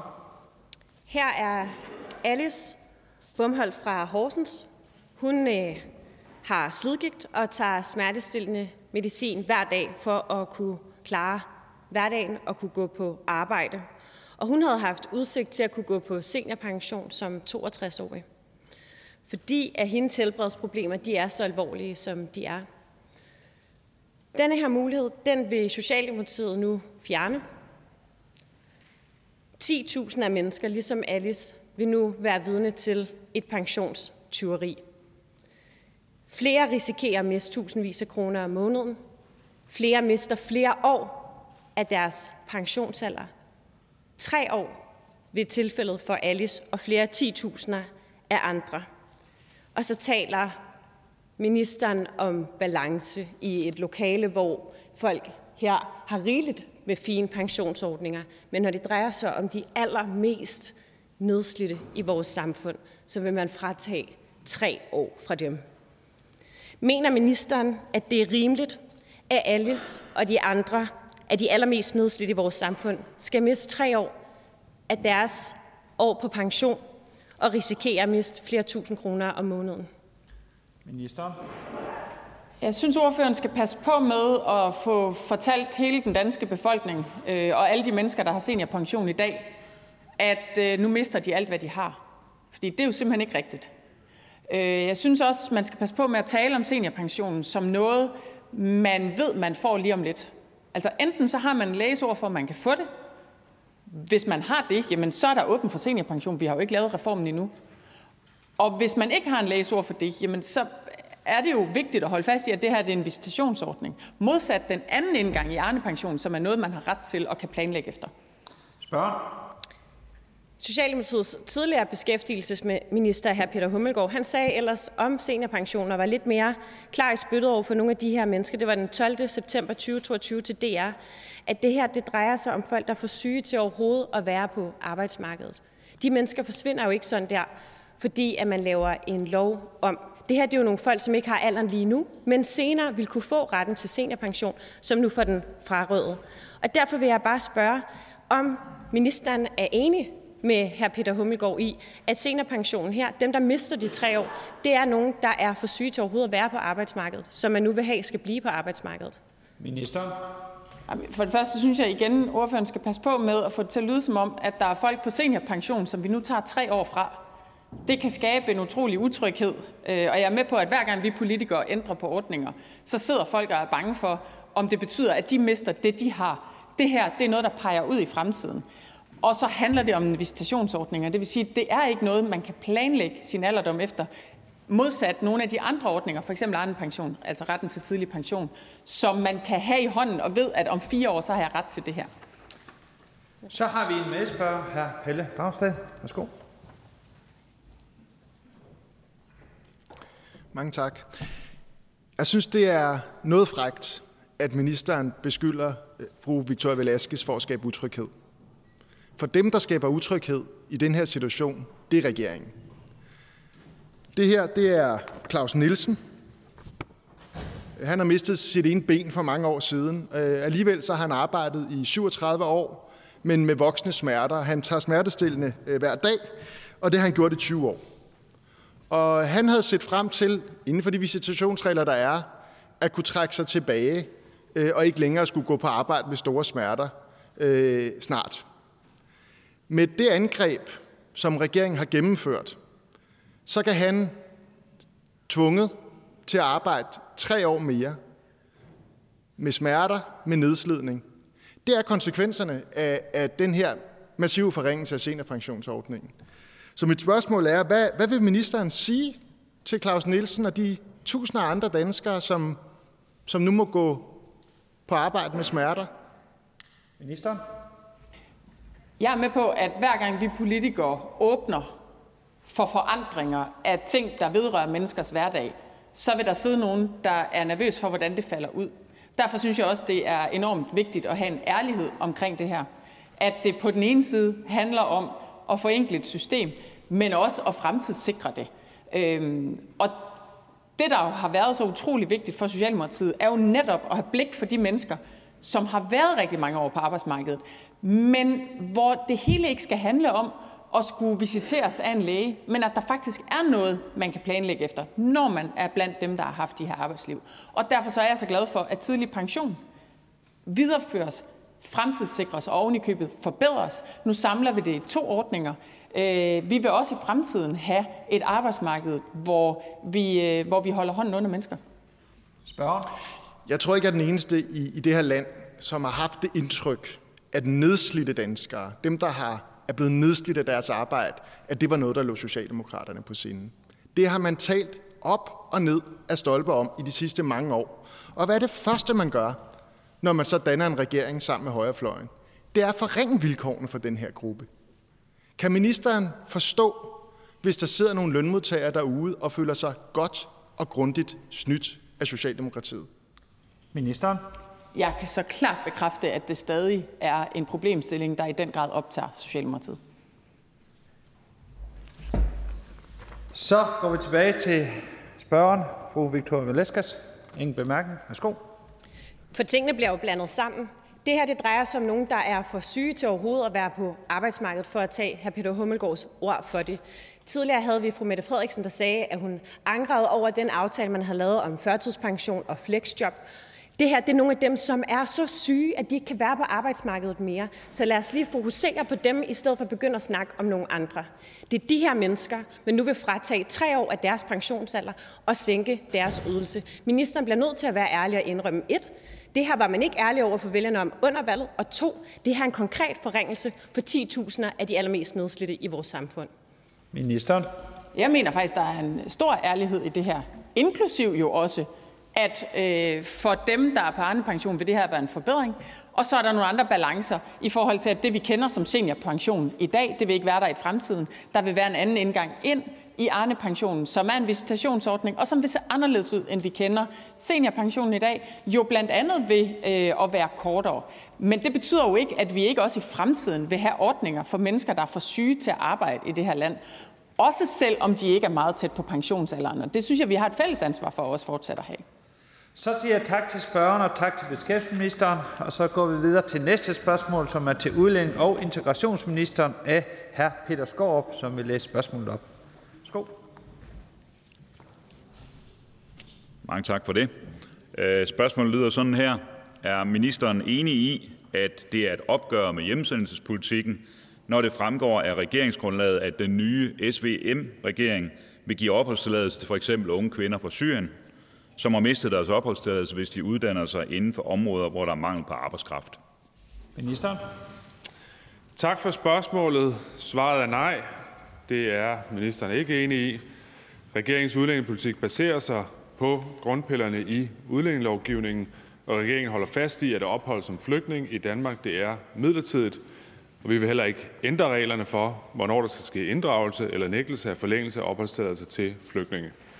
Samtidig mener vi, det er fornuftigt at justere lovgivningen, hvis den ikke fungerer hensigtsmæssigt, og vi har jo i den seneste tid set en del eksempler, hvor udlændinge har mistet deres opholdstilladelse, til trods for, at de var i gang med at uddanne sig inden for områder, som vi lige nu står og mangler arbejdskraft inden for i Danmark, eksempelvis øh, sundhedssektoren. Det synes vi ikke er hensigtsmæssigt, og derfor så ønsker vi, ønsker vi at give fortsat ophold for visse udlændinge på den måde, fordi de har vist, at de er interesseret i at være en del af det danske samfund. Tak for ordet. Jeg forstår ikke rigtig det svar fra ministeren her, fordi man siger, at man vil ikke ændre lovgivningen, og alligevel så vil man gerne se på sagen og se på tingene, som, som ministeren siger. Og det, der for mig står tilbage, øh, det er et indtryk af, at øh, øh Socialdemokratiet, øh, Venstre og Moderaterne, som sidder i regeringen, i virkeligheden øh, gerne vil lempe udlændingepolitikken på et centralt område, som vi har stået bag, øh, i hvert fald et stort flertal i Folketinget igennem en del år, nemlig hjemsendelsespolitikken. Altså når man kommer til Danmark som flygtning, så skal man tage hjem, når der er mulighed for det til ens hjemland. Øhm, jeg kunne godt tænke mig at spørge ministeren helt konkret. Ministeren har under valgkampen udtalt følgende til Danmarks Radio i forbindelse med en historie om en 20-årig kvinde, Miriam Karim, som var i gang med at uddanne sig til socioassistent, øh, men som så skulle forlade Danmark. Og jeg citerer lige, hvad det var, ministeren sagde altså under valgkampen. Jeg forstår godt, at de her enkeltsager vækker følelser, og at man kan have stor sympati for udlændinge, der ønsker at leve i Danmark. Men vi er helt inde i kernen af dansk udlændingepolitik. Når man er her som flygtning, så er man her midlertidigt, og det gælder uanset om man er ledig, i arbejde, under uddannelse eller pensioneret, for alle er lige for loven. Hvordan hænger det sammen, som øh, ministeren her har sagt i valgkampen, med det regeringsgrundlag, der jo altså åbner for, at man vil give opholdstilladelse til folk, der ellers skulle sendes hjem? Ministeren. Jamen det, jeg blev forholdt i valgkampen, var spørgsmålet om, hvorvidt jeg som minister skulle gå ind og pille ved en sagsbehandling, som foregik af den konkrete kvinde. Og der kan jeg sige det helt klart og utvetydigt. Jeg kommer aldrig til som udlændingeminister at sidde og rode med enkelte sager, fordi der er en, der har været i fjernsynet og taget sig godt ud, øh, at så skal man give øh, vedkommende en opholdstilladelse. Det kommer til at foregå i Udlændingsstyrelsen, i Flygtningenævnet, de andre relevante steder, og der kommer man til at rette sig efter lovgivning, fordi alle er lige for loven. Og hovedreglen i dansk flygtningepolitik, det der oprindeligt blev spurgt til det spørgsmål her, den står fuldstændig som den hele tiden har stået. Når man kommer som flygtning, så kan man være her indtil det land, man kommer fra, øh, er sikkert igen, og så skal man vende hjem. Spørgen? Vil det sige, at regeringen, når den skriver i regeringsgrundlaget, at man vil lægge op til ændringer, så vil man ikke ændre noget? Er det i virkeligheden det, ministeren står og, og siger her i Folketinget i dag? Fordi så har vi jo en ny situation. Så vil regeringen ingenting gøre. Eller hvad ligger der egentlig i det, som står i regeringsgrundlaget, som for mig at se, for Danmarksdemokraterne at se, er et klart brud med den hjemsendelsespolitik, som Socialdemokratiet gang på gang har sagt, det er led i den stramme udlændingepolitik, den holder vi fast ved. Ministeren? Jamen, jeg tror, at spørgeren gør sig lidt dårligere begavet, end spørgeren egentlig er, øh, når det bliver stillet op på denne her måde. Det er sådan allerede i dag, at hvis man tager ophold på erhvervsordningerne, så kan man godt søge ophold på dem, i stedet for at have eksempelvis ophold på øh, asyl. Øh, og på samme måde så vil man have mulighed for øh, på de her uddannelsesordninger i den periode, hvor man uddanner sig inden til nogle erhverv, som man vil kunne få opholdstilladelse på gennem øh, erhvervsbeskæftigelsesordningerne, og kunne også få opholdstilladelse. Så der er ikke ændret noget i hovedprincippet. Der er givet en mulighed for, at en relativt lille gruppe har mulighed for, hvis de tager en uddannelse, vi mangler som samfund, og så få lov til at blive her, mens de tager den uddannelse, og selvfølgelig også bagefter, hvis de får et arbejde inden for det fag, at blive her på vores erhvervsordninger. Så har vi en medspørger, fru Susi Jessen. Værsgo. Tak for ordet. Øhm, jeg er glad for, at ministeren øh, reelt siger, at det, der står i regeringsgrundlaget, ikke betyder noget. Øhm, det kan også være, at ministeren gerne vil øh, uddybe, hvad det er, øh, regeringen betyder, når det er, man siger, at man vil håndtere problemet med, at unge kvinder fra Syrien har mistet deres opholdstilladelse, selvom de har vist, at de vil Danmark. Betyder det her, at man vil begynde at lempe på hjemsendelsespolitikken og lade nogen blive her, fordi de har et arbejde? Ministeren. Nej, allerede i dag er det sådan, øh, Øh, at hvis man søger øh, ophold på en erhvervsordning, hvis man eksempelvis tjener over 452.000 om året, hvis man har et fag, som vi mangler, eksempelvis sygeplejersker, nogle typer ingeniører og andre fag, så kan man få opholdstilladelse på den baggrund. Det er jo en anden type ophold, end hvis man får øh, asyl som flygtning. Det er jo et ophold, hvor man, hvis man ikke har jobbet længere, så har man jo ikke længere ophold. Det kan man allerede i dag. Det er en mulighed. Det har Øh, spørgernes, nej ikke spørgernes nuværende parti, men spørgernes tidligere parti, øh, været med til at vedtage også øh, som lovgivning. Og det forlænger vi på den måde at sige, hvis du er ved at tage en uddannelse, der fører hen til et fag, som vi mangler, og som man vil få opholdstilladelse på, så har man mulighed for at gøre den uddannelse færdig, og så få det ophold. Og det synes jeg er en helt rimelig ting, at det ændrer ikke ved, at det er sådan, at man som flygtning i Danmark er her midlertidigt, og når man er sikker, som for eksempel nogle dele af Syrien er, så skal man selvfølgelig vende hjem der, hvor man kom fra. Spørgen? Men så vil jeg egentlig gerne bare gøre os klogere på, hvad, hvad formålet er med den sætning i regeringsgrundlaget. Altså, hvad, hvad er det, man vil gøre anderledes, end man gør i dag, når man siger, at man vil håndtere problemet med de her syriske kvinder? Øh, jeg kan, jeg, øh, ministeren har blandt andet i Berlinske kaldt sig minister for leverpostej, tørklæder og, og badeforhæng. Og jeg, jeg kunne godt tænke mig at vide, altså, er, er, når man viser, at man vil Danmark, altså, hvad, hvad er det for nogle parametre, der spiller ind her? Og, og hvad mener man helt konkret med det her? Hvad er det helt konkret, man vil gøre? Ministeren? Nå, hvis man tager den gruppe, der er syriske kvinder, så har vi jo desværre set, at der er meget, meget få af dem, som er i arbejde. Øh, og der synes jeg da, at det, at man tager del i det danske arbejdsmarked, er et ret godt tegn på, at man ønsker at blive en del af vores kultur, hvor det jo er sådan, at både mor og far går på arbejde. Det er det, der er normalt i Danmark. Øh, og det synes jeg, det, det er jo et tegn på, at man er interesseret i det danske samfund. Jeg tror, som min forgængere og andre også, at at nogle gange så tager det kun fem minutter at blive integreret i Danmark, og det er de fem minutter, man bruger øh, på at beslutte sig for, øh, at man vil være en del af det her samfund. Så siger vi tak til medspørgeren og giver en enkelt bemærkning til hr. Peter Skov. Ja, tak for det, og tak til ministeren for øh, besvarelserne. Jeg har øh, bare lige lyst til lige at læse det op igen, som jeg læste op for ministeren lidt tidligere, bare lige for at forstå helt, hvad det er, hvad det er, regeringen skriver i det her regeringsgrundlag. Der sagde ministeren altså i valgkampen, jeg forstår godt, at de her enkle sager vækker følelser, og at man kan have stor sympati for udlændinge, der ønsker at leve i Danmark. Når man er her som flygtning, så er man her midlertidigt. Og det gælder uanset om man er ledig i arbejde under uddannelse eller pensioneret for alle lige på lån.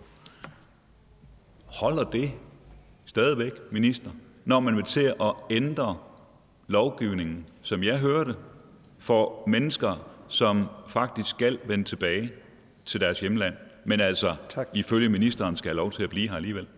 Ministeren? Jamen, jeg tror, spørgeren kender udmærket godt den debatudsendelse, hvor jeg sagde det i, og det, der var diskussionen, det var, hvis man er her på asylgrundlag, skal, man så, skal vi så diskriminere på den måde, vi siger, dem, der er i arbejde, dem, der klarer sig godt i gymnasiet, de skal have lov til at blive her, mens dem, der måske ikke gør det, de skal ikke have lov til at blive her. Der mener jeg grundlæggende, at når du er her som flygtning, så udvælger vi folk efter humanitære kriterier, hvem har behov for beskyttelse. Hvis du er her på en arbejdsopholdstilladelse eller på en uddannelsesopholdstilladelse, som vi nu forlænger det med, jamen så er man jo, jo fordi man øh, har et arbejde, som, som er godt for det danske samfund, og den dag man ikke har det arbejde mere, jamen så kan man heller ikke være her. Så der er intet som helst, øh, der skuer i forhold til, hvad jeg siger nu, og hvad jeg sagde dengang. Vi kommer ikke til at sidde og udvælge folk på flygtninge øh, opholdstilladelse, alt efter hvordan de klarer sig i gymnasiet eller på arbejdsmarkedet. Det mener jeg er en helt forkert måde at gå til det på. Så siger jeg tak til spørgeren. Og det næste spørgsmål, der også er til udlænding- og integrationsministeren, er hr. Peter Kofod. lidt op. Tak for det. Vil ministeren med udgangspunkt i de seneste tal for Sverige, hvor efter to tredjedele af de 5-19-årige Malmø har indvandrerbaggrund, anerkende eller benægte, at der foregår en befolkningsudskiftning i Malmø, og tilkendegive, hvad ministeren synes om den befolkningsudvikling, der finder sted i Sverige og Malmø? Ministeren? Jamen, jeg tror ikke, det er min opgave som minister for den danske regering at kommentere udviklingen i Sverige, men jeg kan sige i hvert fald, at regeringen vil føre en stram og en ansvarlig og en konsekvent udlændingepolitik, hvor hovedmålet er, at der er styr på det antal af flygtninge og indvandrere, der kommer til Danmark. Det er afgørende, at vi har styr på tilstrømningen, og øh, at når vi har færre, der kommer til landet, også har kapacitet til at sikre en ordentlig integration, at folk kan komme i arbejde, komme i uddannelse, så vi ikke svækker den sammenhængskraft, som der er i vores samfund. Og vi skal selvfølgelig også stille krav til flygtninge og indvandrere, når de er i Danmark. Folk skal bidrage til fællesskabet, være selvforstørrende. Det gavner både vores fællesskab, men selvfølgelig også øh, den enkelte. Og øh, selvfølgelig også, at man respekterer de grundlæggende værdier, som vores samfund bygger på. Folkestyre, ligestilling, demokratisk børneopdragelse, alle de andre ting, som vi har skabt et velstående samfund øh, ud af. Øh, dem insisterer vi selvfølgelig på, at folk står på, men det er ikke øh, det er ikke min opgave som minister at vurdere, om øh, et andet lands øh, bestemte kommuner har oplevet en forkert demografisk udvikling. Spørgen? Det her det er det mest afgørende spørgsmål, ikke bare for Danmark, men for hele den vestlige verden. Fordi det er det, det er det spørgsmål, som fremtidige politikere ikke bare kan lave om med lovgivning. Et flertal i det her folketing vil altid kunne hæve skatten, eller sænke den, eller lave om på vores uddannelser, eller vores velfærdsstat, eller anlægge nye veje, eller rive de veje op igen. Alt kan laves om. Men lige præcis hvordan befolkningen er sammensat, hvem det er, vi giver statsborgerskab, det vil have effekter i mange, mange, mange generationer. Og når man ser på Sverige, så må jeg bare sige, så løber det mig koldt ned i ryggen og se, hvad der foregår der. Altså høre en, en migrationsforsker tale om, at to tredjedel af børn og unge i svenske storbyer, her Malmø som eksempel, har indvandrerbaggrund. Altså det kommer til radikalt at forandre det svenske samfund, ikke bare i de kommende år, men i mange generationer, for altid. Derfor forventer jeg selvfølgelig også, at regeringen mener noget om det. Vi deler grænser med Sverige. Det var indtil for nylig ministerens partifælder i Sverige, der sad i regering. Der sidder en svensker som udlændingekommissær i Bruxelles og har enorm indflydelse på hele det område. Så jeg forventer egentlig mere end en sang for de varme lande om, at regeringen agter at føre en fast og færre udlændingepolitik. Øh, det tror jeg, de fleste danskere vil sige fast og færre, det lyder det fint. Det her spørgsmål, det er simpelthen for vigtigt til, at der bliver talt udenom. Så jeg vil gerne igen spørge ministeren om at besvare mit spørgsmål, og måske besvare det lidt mere uddybende end den første besvarelse. Ministeren?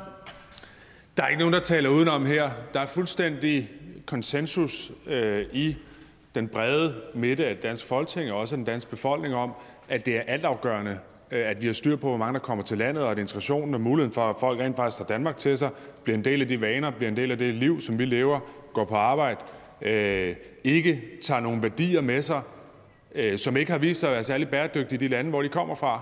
Øh, det er jo sådan, det er. Og hvis man indretter vores land på samme måde som nogle af de lande, som folk kommer fra, så tror jeg ikke, det kan blive godt for dansk samfund. Og det er jo det centrale i det. Det er jo at stå fast på, at antallet betyder noget. Og det mener jeg, hvis man skal snakke om svensk flygtninge- og udlændingepolitik, så måske der, at man for lang tid i Sverige ikke har stået fast på, eller ikke har erkendt, at antallet har en stor betydning. Spørger? Det sidste er jeg enig i, og derfor vil jeg spørge ministeren. Når to tredjedele af børn og unge i et område er ikke-vestlige, eller i hvert fald er udlændingebaggrund, er der så tale om befolkningsudskiftning, ja eller nej? Minister? Det begreb, fordi jeg ved, at hvis jeg svarer ja eller nej på det, så bliver jeg suget ned i sådan en, øh, et ormehul af forskellige konspirationsteorier, som det relaterer sig til. Jeg anerkender, at man har en demografisk udvikling i nogle svenske byer, som jeg ikke ville ønske øh, i Holbæk eller i andre steder øh, i Danmark. Øh, og det øh, kommer af, øh, at der er for stort et antal i forhold til, øh, hvor mange man kan integrere. Øh, og der skal vi være enormt opmærksomme på i Danmark, at vi ikke havner i den samme situation. Men jeg mener, at begrebet befolkningsudskiftning er knyttet til en række øh, konspirationsteorier, som jeg ikke øh, har lyst til at være en del af. Spørgen? Så bare, bare lige for at få det fuldstændig udpenslet. Når to tredjedele af børn og unge i et område i Sverige ikke længere er, ja nu tillader man at sige det, svenskere, i hvert fald ikke ophav. Det kan godt være, at de tilegner sig det svenske sprog. Det kan også være, at nogle af dem bliver svenskere. Men i hvert fald, det er et svært udgangspunkt, ikke? To tredjedele. Det kan man jo så kigge på tallene, og hvordan det sådan udfolder sig i samfundet. Det vil ministeren ikke kalde for befolkningsudskiftning af frygt for konspirationsteorier og tonen på internettet og alt muligt andet. Er det sådan, jeg skal forstå det? Ministeren. Først vil jeg sige, når der bliver sagt to tredjedele, så er det jo vigtigt at huske, at de fem største udenlandske grupper i Malmø Kommune, der er de tre af dem jo europæiske grupper, blandt andet danskere og polakker. Øh, så man skal også, synes jeg, være mere præcis, ligesom vi har været øh, i denne regering, tidligere regeringstid, hvor man siger, jamen, hvad er det for nogle grupper, der er svære at integrere i det danske samfund? Det er for mig at se især folk fra Mellemøsten, fra Nordafrika, og det er dem, vi skal holde øje med, ikke hvor mange svensker eller danskere eller nordmænd, der bor øh, i et område. Men det er klart, det er en demografisk udvikling, hvis man oplever, at så mange kommer eksempelvis fra, fra, øh, fra Mellemøsten, jamen så øh, ændrer det et samfund på en måde, som jeg ikke tror er godt for et samfund. Tak til spørgeren. Tak til udlænding og integrationsministeren. Næste spørgsmål er til skatteministeren er fru Trine Pertou Værsgo. Tak for det. Men det her spørgsmål lyder i al sin enkelhed i første omgang. Hvorfor vil regeringen lade virksomhedsarvinger slippe billigere i skat end andre danskere? Ministeren. Ja, tak for spørgsmålet. Og Danmark har jo fået, som vi ved, en ny regering, en bred politisk regering hen over den politiske midte, og vi har jo sammen opstillet et ambitiøst regeringsprogram. Det har vi gjort, fordi vi har en række fælles ambitioner for vores land. Blandt andet at styrke væksten, skabe fundamentet for fremtidens velfærd og den grønne omstilling. Lille knas med papirerne her. Derfor har vi blandt andet valgt, at erhvervsstøtten skal saneres for 2 milliarder årligt. Vi vil anvende 1 milliard til at styrke virksomhedernes fradrag for investeringer i forskning og udvikling. Innovation og nytænkning er en hjørnesten for fremtidens arbejdspladser i den, øh, og nye grønne teknologier. Vi vil også anvende en halv milliard til at nedsætte bo- og gaveafgiften ved generationsskifte af erhvervsvirksomheder fra 15 procent til 10 procent. Og vi vil anvende cirka en halv milliard til at skabe en ny model for værdiansættelse. Generationsskifte i familieejede virksomheder har de seneste år givet anledning til mange diskussioner. Og der har været regelændringer under skiftende regeringer. Det har skabt usikkerhed for både virksomhedsejere og deres medarbejdere. Det er derfor denne regerings ønske at få skabt klar politisk konsensus om rammevilkårene for de familieejede virksomheder. Der er behov for ro på området. Virksomheder skal kunne planlægge generationsskifte i god tid, og i vidsthed om, at de skattemæssige forhold, så der bliver bedre mulighed for at prioritere investeringer i nye arbejdspladser og i den grønne omstilling. Spørg. Ja, tak. Men spørgsmålet går lidt på, vi undrer os over den kovending, som Socialdemokratiet har foretaget på det her øh, område. Fordi det er jo ganske kort tid siden, at Socialdemokratiet sammen med Radikale, SF, Alternativet og også Enhedslisten netop tilbagerullede den her type skattelettelse til de rigeste, nemlig i forbindelse med finansloven i 2020. Og efter vedtagelsen af finansloven 2020, der udtalte Morten Bøskov, øh, ministerens partifælde, som på daværende tidspunkt var skatteminister, at, og nu citerer jeg, især bo- og gaveafgiften er en helt urimelig skattelettelse til dem, der i forvejen har mest. Og det var netop derfor, vi var enige om i det rød-grønne flertal på daværende tidspunkt om at ensrette beskatningen af arv og gave, så satsen blev 15 procent på alle. Det at ændre på den igen er jo ikke at skabe ro. Det er jo, der er jo sådan set ro om det, det er klarhed om, hvad det kunne være, og regeringen, eller Socialdemokraterne kunne med det rødgrønne flertal have fortsat den ro, der var på området. Det er jo, vi taler om en, en åbenlyst gave til de allerrigeste i vores samfund, og der er ikke noget belæg og ikke noget grundlag for at antage, at den her skatterabat den skulle skabe vækst og beskæftigelse. Så hvad er den politiske begrundelse fra Socialdemokraternes side for nu at ville ændre på bo- og gaveafgiften? Minister? Jamen, det er jo rigtigt, at øh, bo- og gaveafgiften for, eller afgiften på generationsskifte frem til 2016 var 15 procent. Så satte den daværende borgerlige regering afgiften ned til 5 procent. Så kom vi til magten i 19, øh, Socialdemokratiet, øh, sammen med parlamentarisk grundlag, og satte den op til 15 procent. Og nu har vi så i en ny regering hen over midten øh, besluttet os for at lægge niveauet på 10 procent, altså imellem de 5 og de 15 procent. Og det er udtryk for, at vi forsøger at lave en løsning, som der er konsensus omkring, og som gør, at man ikke vil opleve, at den kommer til at ligge og køre op og ned, afhængig af hvem der sidder ved regeringsmagten. Dermed skabe tryghed og sikkerhed for, at man har nogle langsigtede vilkår, man kan regne med. Børn. Men jeg kan godt tænke mig at høre fra ministeren, om ministeren er enig eller uenig i det, som Morten Bøskov sagde på daværende tidspunkt, nemlig at det her det er en helt urimelig skattelettelse til dem, der i forvejen har allermest, øh, men at man som led i kompromis med en regering hen over midten accepterer, at man giver den her skattelettelse til nogle af dem, der i forvejen har allermest. Ministeren? Du, nu refererer spørgeren til, til uh, citater fra hr. Morten Bødskov. Jeg tænker også, man kunne få nogle citater fra undertegnet øh, i hvert fald været nogle samråd, tror jeg, øh, i den seneste periode, om, om også denne sag. Øh, og, øh, og, og det er jo rigtigt, vi har jo haft en argumentation for, hvorfor vi synes, at det var rimeligt, at den var på 15 procent. Øh, jeg synes, jeg står fuldt på mål for, at vi nu har et regeringsgrundlag, hvor vi øh, i lys af, og vi også har en bred regering, forsøger at skabe nogle rammevilkår, øh, som holder. øh, og der har vi så lagt niveauet på 10 procent. Øh, og det, det synes jeg er færre rimeligt. Så har vi en medspørger, hr. Pelle Dragsted. Værsgo. Det er jo lidt svært at blive helt klar på, hvad det er, egentlig Socialdemokraterne mener om det her. Nu er det færre rimeligt, og før var det en helt skæv øh, skattelettelse til de, til de allerrigeste. Men lad mig prøve at gøre det konkret øh, med nogle beløb. 12,8 milliarder kroner det er den besparelse, som arvingerne til Lego-familien får på grund af den her særlige særrabat til virksomhedsarvinger. 4,3 milliarder, det er det, som arvingerne til bestsellerfamilien, altså Anna Kold Poulsen-familien, sparer, slipper billigere ved den her særlige særrabat til de allerrigeste. 820 millioner kroner, det er det, som arvingerne til Danfoss-familien kan proppe ned i lommen som følge af den her skattelettelse. Mener ministeren, at i en tid, hvor vi har fattige familier, der dårligt kan betale regningerne, hvor regeringen selv siger, at man mangler midler til velfærd, til klima, til forsvar, at det er en rigtig prioritering at proppe de her mange milliarder ned i lommerne på nogle af Danmarks aller, aller rigeste individer? Ministeren? Man får et indtryk, at de penge, der her bliver talt om, bliver taget fra noget andet øh, og givet til nogen. Altså det, der, det, det koster her, det er også det, jeg sagde i min besvarelse, det er, at, at vi bruger 2 øh, milliarder fra erhvervsstøtten, hvor den ene milliard går til FAU-fradraget, og den anden milliard går til dels at sænke øh, satsen her fra 15 til 10 procent, og den anden halv milliard til at lave en model for en ny øh, værdiansættelse. Øh, og de penge bliver altså fundet i erhvervsstøtteordningerne. Øh, og det, det, det er den finansiering, der ligger i modellen. Spørger? Ja, altså penge, som bliver brugt, bliver altid taget for noget andet. Og, og nu har man det her antagelse om, det er en milliard, man vil bruge på det her. Men jeg har nævnt nogle beløb, som er betydeligt højere bare på et par af de familier, som får glæde af det her. Så man kan jo spørge sig selv, hvordan man nåede frem til, til de beløb over i Skatteministeriet. Men det, jeg synes er særligt mærkeligt ved det her, det er jo, det er en særrabat. Altså det her, det betyder jo, at en almindelig lønmodtager, som arver et sommerhus, skal betale en højere arveskat procent end en godsejersøn, som arver familiens gods, eller en virksomhedssøn, som arver familiens virksomhed. Er det udtryk for socialdemokratisk skattepolitik? Ministeren?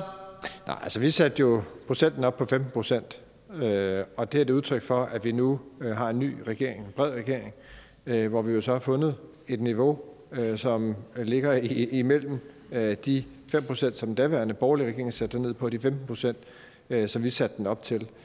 Og det står selvfølgelig selvfølgelig fuldt og helt på mål for. Øh, men, men som det også er refereret her, altså, så kan man jo se, hvad den socialdemokratiske holdning har været øh, historisk set. Så siger jeg tak til medspørgeren, og vi får en enkelt bemærkning til spørgeren, fru Trine Patumak. Værsgo. Så kunne jeg godt tænke mig at slutte af med at høre, hvad ministeren tror, der ville være sket, hvis Socialdemokraterne havde været ærlige om, man var villig til at flytte sig på det her, som jo har været en mærkesag eller for Socialdemokraterne, at vi er for lille et land til at have for store forskelle. Det er et tidligere valgoplæg fra Socialdemokratiet. Altså, hvad, hvad er, altså, hvad kunne I kunne have undgået det her ved at bruge det rødgrønne flertal, som, som findes? Øhm, hvad andet bør vi kalde det her en klassekamp fra oven? Ministeren? Jamen, jeg, jeg er lidt usikker på det der fænomen omkring det rødgrønne flertal. Altså, fordi realiteten var jo efter et valg, øh, hvis man i hvert fald lyttede på de radikale, at der var jo ikke et rødt-grønt flertal. Der var et flertal i Folketinget, der ville en bred regering hen over midten. Og det her det er udtryk for, at vi har fundet sammen nogle partier om at levere på det, vi faktisk også gik til valg på. Det, som statsministeren sagde, da hun udskrev valget, nemlig at vi ønskede at lave en bred regering hen over midten med, med minimum et borgerligt parti. Det er jo så det, der lykkedes. Og det, jeg ved ikke, om man nogen havde forestillet sig, at man kunne lave sådan en bred regering, uden at man også bøjer sig mod hinanden. Og jeg er faktisk stolt af, at vi lykkedes ikke bare med at bøje os hinanden, men også lave et regeringsprogram, øh, som løfter ambitionerne over det, øh, vi ellers havde kunnet være for sig. Så siger vi tak til spørgeren og øh, går videre til et nyt spørgsmål til skatteministeren er hr. Hans Christian Skibby. Værsgo.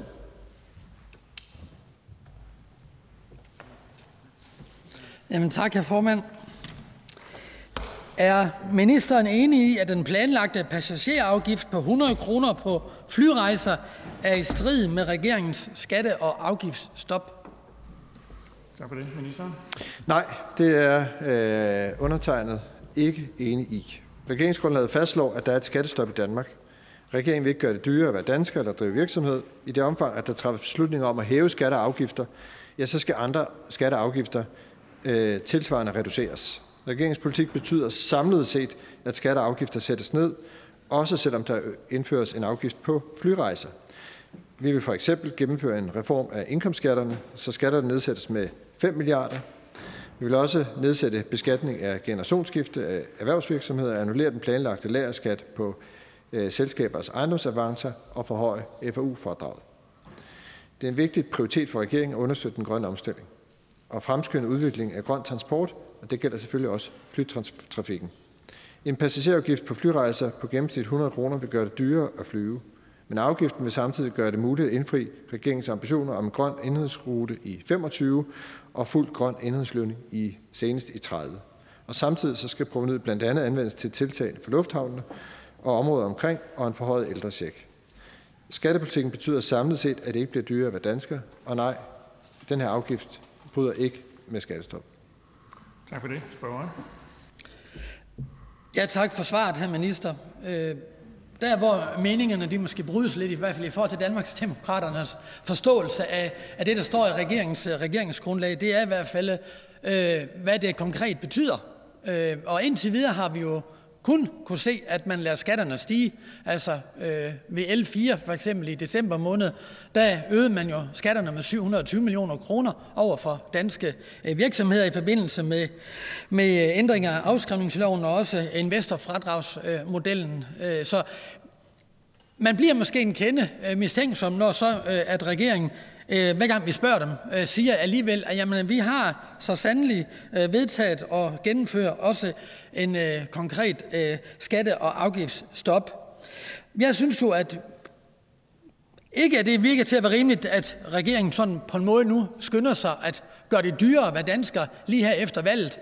Og så siger man samtidig, at man har indgået og aktiveret et skattestop, men at de gode elementer i, den, i det afgiftsskattestop, de kommer så bare på et senere tidspunkt. Og der vil jeg gerne, øh, for at blive lidt klogere på den del af det, hvornår er det, at de gode elementer de kommer, når vi nu indtil videre kun kan se, at, at øh, der er stigende øh, flyafgifter, der er stigende, eller for, for, for, for uh, ødelagte for fradragsmodeller for, for afskrivning, og så er der også blandt planlagte uh, top-top-skat osv. Hvornår kommer uh, de gode elementer fra skatteministeren? Ministeren. Jeg tror i virkeligheden, at spørgsmålet illustrerer meget godt forskellen på at være i opposition og være i regering. Øh, fordi jeg har også noteret mig, at Danmarksdemokraterne faktisk gik ind for Arne og ønskede, at Arne-pensionen skulle fortsætte. Øh, og det er jo et sympatisk synspunkt at have. men skal det blive til virkelighed, så skal det også finansieres. Og de forslag, vi snakker om her, det er jo en del af finansieringen af det. Og derfor så er det jo nemt nok at sige i en valgkamp, at man støtter Arne-pensionen. Det er jo lidt vanskeligere, hvis man så bagefter bakker det op her i salen. Øh, og, øh, og vi har så lagt et program på bordet, som både øh, holder fast i Arne-pensionen og samlet set laver en skattepakke, der betyder skattelettelser. Og det kommer selvfølgelig til at indfri. Og når vi laver lovprogram og programmer osv., så kommer vi selvfølgelig også til at tilkendegive, hvornår tingene kommer. Tak. Spørgeren. Det, det findes der mange øh, forklaringer på, men man kunne jo også til til sidst have skatteministeren, at man kunne jo starte måske med at invitere de partier, der, der skulle være med til det her, også at finansiere en, øh, en Arne-pension, øh, at være med til også at finde, hvor pengene de skulle findes, frem for at det bare blev nærmest øh, lovdikteret af, af den øh, nye regering. Synes øh, ministeren, at det er fair, at man ikke involverer Folketingets partier i, hvor pengene de skal findes? Ministeren. Vi kommer til at involvere Folketingets partier. Vi kommer til at arbejde øh, med at få bredest mulige aftaler øh, i hus.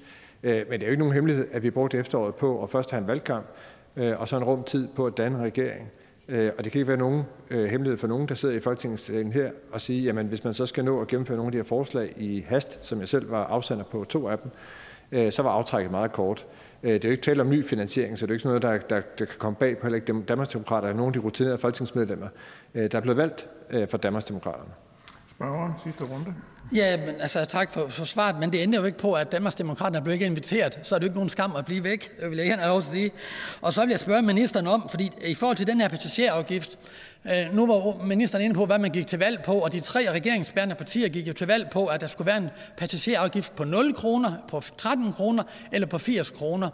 Og så var det, at øh, den nye udenrigsminister sagde, at man lavede sådan en kollektiv brainstorm, og så fandt man så ud af, at den skulle være 100 kroner. Hvor, hvor kom det tal fra, herr skatteminister?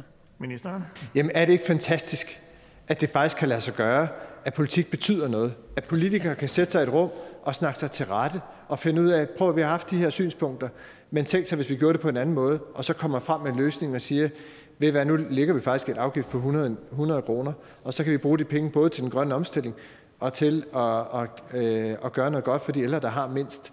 Det der er jo et meget, meget præcist vidnesbyrd om, hvad den her regering kan, og at det, at man sætter sig sammen på tværs, lægger nogle af de normale skyttegravsargumenter, man har haft øh, på hylden, og finder ud af, hvordan udvikle noget fællesskab, som alle kan se sig selv i.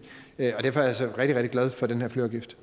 Tak for det, og tak til spørgeren. Spørgsmålet er afsluttet, og vi kan gå til det næste punkt, nummer 13, og det er også eller det er til kirkeministeren, og det er fru Karina Lorentzen øh, Denhardt. Og værsgo til øh, spørgeren til øh, oplæsning. Jamen, tak for det. Og spørgsmålet lyder, kan ministeren have tillid til konklusionerne i advokatundersøgelsen af krænkelsessagen i Vor Frue Kirke, når man alene interviewer krænkeren, men hverken anmelder eller de tre ofre i sagen? Tak for det. Ministeren. Tak for spørgsmålet. Det handler om en sag, som Berlingske har fulgt indgående siden maj sidste år. Den 22. maj 2022 bragte avisen nemlig en artikel om en medarbejder ved Vor Frue Kirke i København, som ifølge avisen tilbage i 1990'erne og i 0'erne skulle have udvist krænkende adfærd i forskellige sammenhænge. Den slags anklager skal man naturligvis altid tage meget alvorligt. Både i Folkekirken og andre steder i vores samfund. Det gælder uanset om man som menighedsråd har arbejdsgiveransvar for en medarbejder, der anklages for krænkende adfærd, eller om man fører tilsyn med et menighedsråd, sådan som Folkekirkens biskopper gør. Den konkrete sag i Berlinske var alvorlig og omfattede blandt andet seksuelle krænkelser af en mindreårig. Og selvom relationen mellem pågældende medarbejder og den mindreårige ikke havde forbindelse til kirken, så rejste Berlingskes dækning af sagen et spørgsmål om håndteringen af krænkelsessager ved Københavns Domkirke. Og derfor bad Kirkeministeriet under min forgænger et eksternt advokatfirma, nemlig Kroman Røgmert, om at etablere en åben indberetningsordning og bevisvurdere de oplysninger, der måtte komme. Hensigten var at sikre, at nuværende og tidligere ansatte menighedsrådsmedlemmer og andre frit kunne oplyse om deres eventuelle kendskab til tilfælde af krænkende adfærd ved vor frue kirke i den periode, hvor den pågældende havde været ansat. Resultatet fremgår af den advokatrapport, som spørgeren henviser til. Hverken Kirkeministeriet eller jeg som kirkeminister kan naturligvis gå i det konkrete detaljer i personsager som denne, men jeg er opmærksom på, at sagen fortsat har Berlingskes og offentlighedens interesse, og derfor har Kirkeministeriet også offentliggjort advokatrapportens sammenfatning, som er anonymiseret, så den ikke indeholder konkrete personoplysninger. Tak for det. Spørgeren. Altså, jeg kan jo ikke helt forstå, hvordan man kan bruge konklusionerne fra en advokatundersøgelse, som ikke indeholder udsagnene for begge parter. Altså den ene side af sagen, øh, i den, som er, hvad kan man sige, anklaget, og øh, fra dem, øh, som oplever sig som krænket. Og øh, det synes jeg jo giver lidt indtryk af, at, der, at det kun er en halv undersøgelse, og måske heller ikke så respektfuldt over for offrene. Mener ministeren, at det er en tillidsvækkende proces i forhold til øh, at komme frit frem øh, med de oplevelser, man har, hvis sådan en sag skulle opstå igen?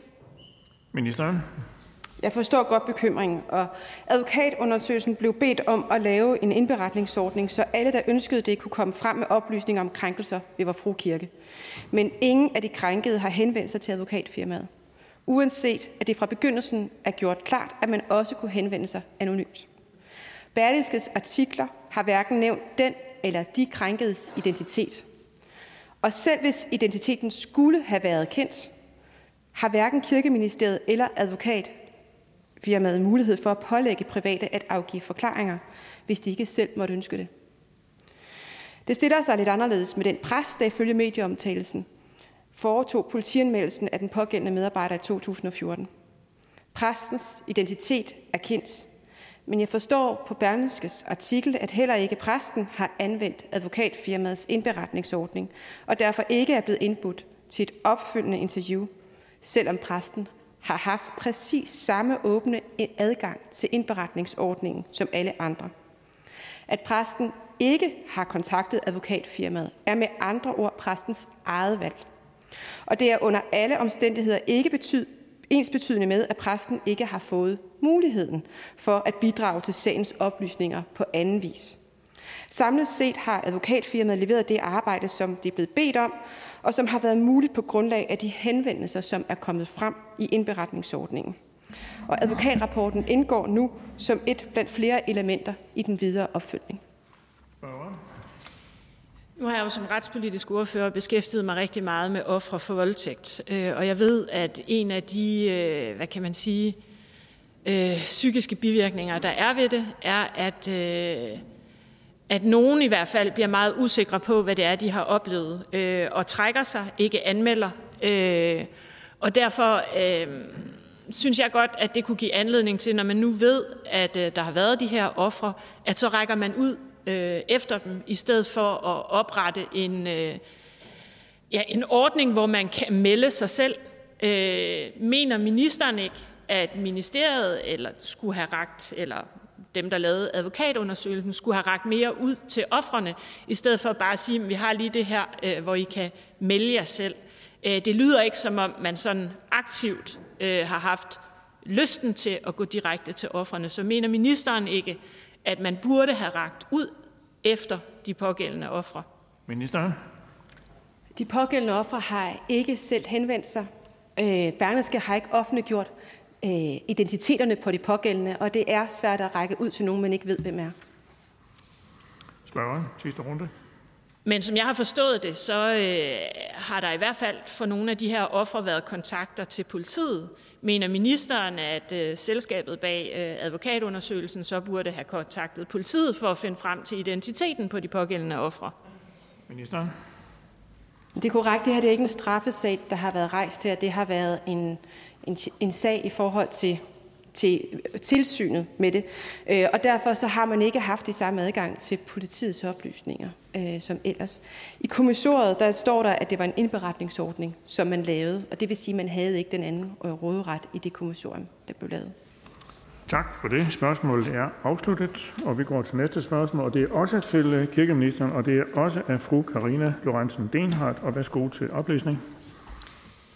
Mener ministeren, at Kirkeministeriets håndtering af krænkelsessagen om den nu tidligere sovnepræst fra Christians Kirke i København har været tilfredsstillende i forhold til de kvinder, øh, der klagede over sovnepræstens adfærd, set i lyset af fælleserklæringen fra biskopperne og Landsforeningen af Menighedsråd om håndtering af seksuelle krænkelser i folkekirken? Ministeren. Tak for spørgsmålet. Som både refererer til en konkret personalesag, til en generel erklæring fra biskopper og Landsforeningen for af menighedsråd om nul-tolerance over for seksuelle krænkelser. Lad mig begynde med det sidste. Jeg er enig med Folkekirkens aktører i, at vi ikke skal acceptere krænkende handlinger og seksuel chikane, hverken i Folkekirken eller andre steder. Det er budskabet i Biskoppernes og Landsforeningen af Menighedsråds fælles erklæring, og jeg synes, det er godt, at både biskopperne og Landsforeningen står, ty- står det tydeligt fast. Lad mig så vende mod selve spørgsmålet om Kirkeministeriets håndtering af en konkret personalesag. Som spørgeren ved, så betyder de almindelige forvaltningsretlige regler, at jeg ikke kan gå i detaljer om konkrete sager om enkeltpersoners ansættelse. Jeg kan derfor kun svare på spørgsmålet generelt. Generelt kan jeg sige, at Kirkeministeriet naturligvis behandler konkrete personalesager i overensstemmelse med de regler, der gælder for de, de enkeltes ansættelsesforhold. Det betyder for eksempel, at sager vedrørende tjenestemandsansatte sovnepræster behandles i henhold til tjenestemandsloven. Selvom jeg altså ikke kan udtale mig om konkrete sager, så kan jeg godt i generelle træk fortælle, hvordan man behandler disciplinærsager mod tjenestemandsansatte præster. I de grovere disciplinærsager, hvor tjenesteforsildelsen til præsten på forhånd ventes at resultere i for eksempel en væsentlig bøde eller forflyttelse, eller i en afsked, skal der gennemføres et tjenestligt forhør. Det er ikke noget, jeg eller Kirkeministeriet selv bestemmer. Det fremgår af tjenestemandsloven, som Folketinget har vedtaget, og som hører under finansministeren. Spørgeren. Altså, jeg er med på, at man ikke kan udtale sig om den konkrete sag, og det har jeg heller ikke en forventning om. Men øh, de her kvinder, som har afgivet øh, forklaring til en forhørsleder i Kirkeministeriet, som altså er under ministerens ressort, kan ikke få oplyst sagens udfald, og derfor så ved de sådan set heller ikke, om deres klage har været berettiget, om man har troet på dem, øh, om de har talt sandt. Og de har sådan set også fået at vide, at de ikke engang kan få indsigt i det, de selv har sagt øh, og afgivet af forklaring til den pågældende rapport. Så de er sådan set blevet pålagt tavshedspligt om deres egen sag. Og det er jo så her, jeg gerne vil have ministeren til at forholde sig til, om det er en acceptabel situation at sætte de her øh, kvinder i, og er det holdbart for folkekirkens omdømme i befolkningen, at der ligger sådan en sag her. Øh, så ministeren kunne jo også svare med, ja, jeg synes ikke, det er en acceptabel situation. Jeg har meget lyst til at ændre øh, på de her regler, øh, så vi bedre tager hånd om de krænkede. Ministeren. Jeg forstår godt, at man ønsker indsigt i de sager, man har, har vidnet i. Øh, klager over præsters tjenesteforseelse og behandling af sådanne klager journaliseres på præstens personale sag. Og klager over en offentlig ansat, for eksempel en præst, medfører imidlertid ikke, at man af den grund bliver en part i en klagesagen. Og afgørelsen om en klager kan få aktindsigt træffes derfor ikke efter forvaltningslovens regler om egen access, men efter de almindelige regler i offentlighedsloven. Det følger af offentlighedslovens paragraf 21 styk 2, at retten til aktindsigt som klar hovedregel ikke omfatter sager om enkeltpersoners ansættelsesforhold i det offentlige tjeneste. Det følger dog, at offentlighedslovens paragraf 21 stk. 3, at for så vidt angår ansatte i chefstillinger, gælder lovens almindelige regler for oplysninger om disciplinære reaktioner i form af en advarsel. Det er over, men kun i et tidsrum af to år, eller når endelig afgørelse er truffet. Jeg har noteret mig, at det fremgår af en artikel, som spørgeren henviser til i begrundelsen for sit spørgsmål. Hvis man anmelder nogen i forbindelse med ansættelsesretlig sag, bliver man ikke en part i sag, og derfor er der heller ikke nogen særlig krav på for at vide, om den pågældende anklager er blevet fyret. Ja, tak for opristningen af de nuværende regler, men det er faktisk ikke det, jeg er optaget af. Jeg er optaget af, om ministeren vil gøre noget for at hjælpe øh, fremtidige ofre, om ministeren mener, at de nugældende regler er passende til at håndtere den her type sager, eller om ministeren faktisk gerne vil være med til at se på nogle ændrede regler, som tilgodeser øh, offrene noget mere. Øh, jeg synes ikke, at det er tilstrækkeligt, øh, at at man som offer øh, bare bliver værfet af på den måde. Jeg kan godt forstå behovet for at få en afklaring i de her sager. Så mit spørgsmål er, forstår ministeren også, at offrene har det her behov for øh, at få en afklaring? Og vil ministeren arbejde for, at vi så får et system, øh, hvor vi kan håndtere det? Ministeren? Jeg forstår godt de, øh, de, de her offres reaktion og frustration. Øhm, men jeg kan ikke love noget på en anden ministers ressort, og det her det er en lov, der ligger under Finansministeriet og ikke under Kirkeministeren. Spørgeren, afslutning. Men måske kan ministeren love, at ministeren vil gå øh, til finansministeren øh, og til justitsministeren, hvis det også handler om offentlighedsloven, øh, og få ændret de her regler. Øh, det kunne jeg godt tænke mig at få et klart svar på som det ene. Og det andet er, øh, mener ministeren selv, at den her noget uigennemsigtige øh, øh, sagsbehandling i øh, kirkeministeriet lever op til den vejledning som, eller den erklæring, som biskopperne kom med, at øh, hvis der opstår seksuelle krænkelser, så skal det håndteres både i forhold til krænkeren, men også de krænkede. Mener ministeren virkelig, at vi har taget hånd øh, om de krænkede her? Og synes ministeren ikke, at øh, det var på sin plads at gå til finansministeren og justitsministeren og sige, at vi skal have en løsning på det her? Ministeren? Jeg tror også, man skal kigge på, hvad er det for et spor, der er rejst. Her er det en tjenestemandssag, der er rejst. Og der kan man jo altid stille spørgsmål til, altså er der andre sager, man også kunne rejse? Og det, det er jo ikke på mit ressort, og derfor vil jeg ikke blande mig i det. Men det er klart, at man får en anden behandling, hvis man vælger en anden, en anden retning. Tak for det. Spørgsmålet er afsluttet. Og vi går til næste spørgsmål, og det er til ministeren for landdistrikter, og det er fru Susie Jessen, Danmarksdemokraterne. Og værsgo til oplæsning af spørgsmålet. Er ministeren stadig enig i målsætningen for Venstres udspil Et stærkt og sammenhængende Danmark om at placere 5.000 statslige arbejdspladser uden for hovedstadsområdet frem mod 2030? Ministeren. Tak for spørgsmålet. Jeg er som minister, den er ikke sendt. Tak. Tak for spørgsmålet. Jeg er som minister for landdistrikter stærkt optaget af, at det skal være attraktivt at leve, bo og arbejde i alle dele af Danmark. De statslige institutioner er sat i verden for at løse opgaver til gavn for borgere og virksomheder i hele Danmark, og det er derfor helt naturligt, at statens arbejdspladser også er fordelt i hele Danmark. Regeringen vil derfor med det kommende forsvarsforlig have fokus på, at investeringer og arbejdspladser placeres i hele landet. Desuden vil der være fokus på, at nye statslige institutioner eller væsentlige udvidelser af eksisterende statslige institutioner skal placeres uden for de større byer. Statslige arbejdspladser fordeles i hele landet, giver nærhed til borgerne, og som minister for landdistrikter er jeg overbevist om, at det vil skabe en større sammenhængskraft mellem land og by. Tak for Spørgeren. Tak for svaret. Øh, jeg er glad for, at ministeren også deler den samme ambition, som vi gør, om at øh, nyetablerede statslige arbejdspladser som udgangspunkt også øh, skal, skal ses på, om de kan være ude i landet og ikke i de store byer. Jeg er interesseret i at høre ministeren om, øhm, om hun er enig i, at der er et behov for udflytning af endnu flere statslige arbejdspladser. Balance Danmark øh, organisationen har netop øh, udgivet en rapport, øh, der hedder Geografisk fordeling af statslige arbejdspladser fra 2015 til 2022, der viser, at der stadig er meget store problemer og udfordringer med, at langt størstedelen af de statslige arbejdspladser ligger i de store byer. Og en af anbefalingerne i den her rapport er netop, øh, at man, at man øh, simpelthen øh, flytter flere statslige arbejdspladser ud.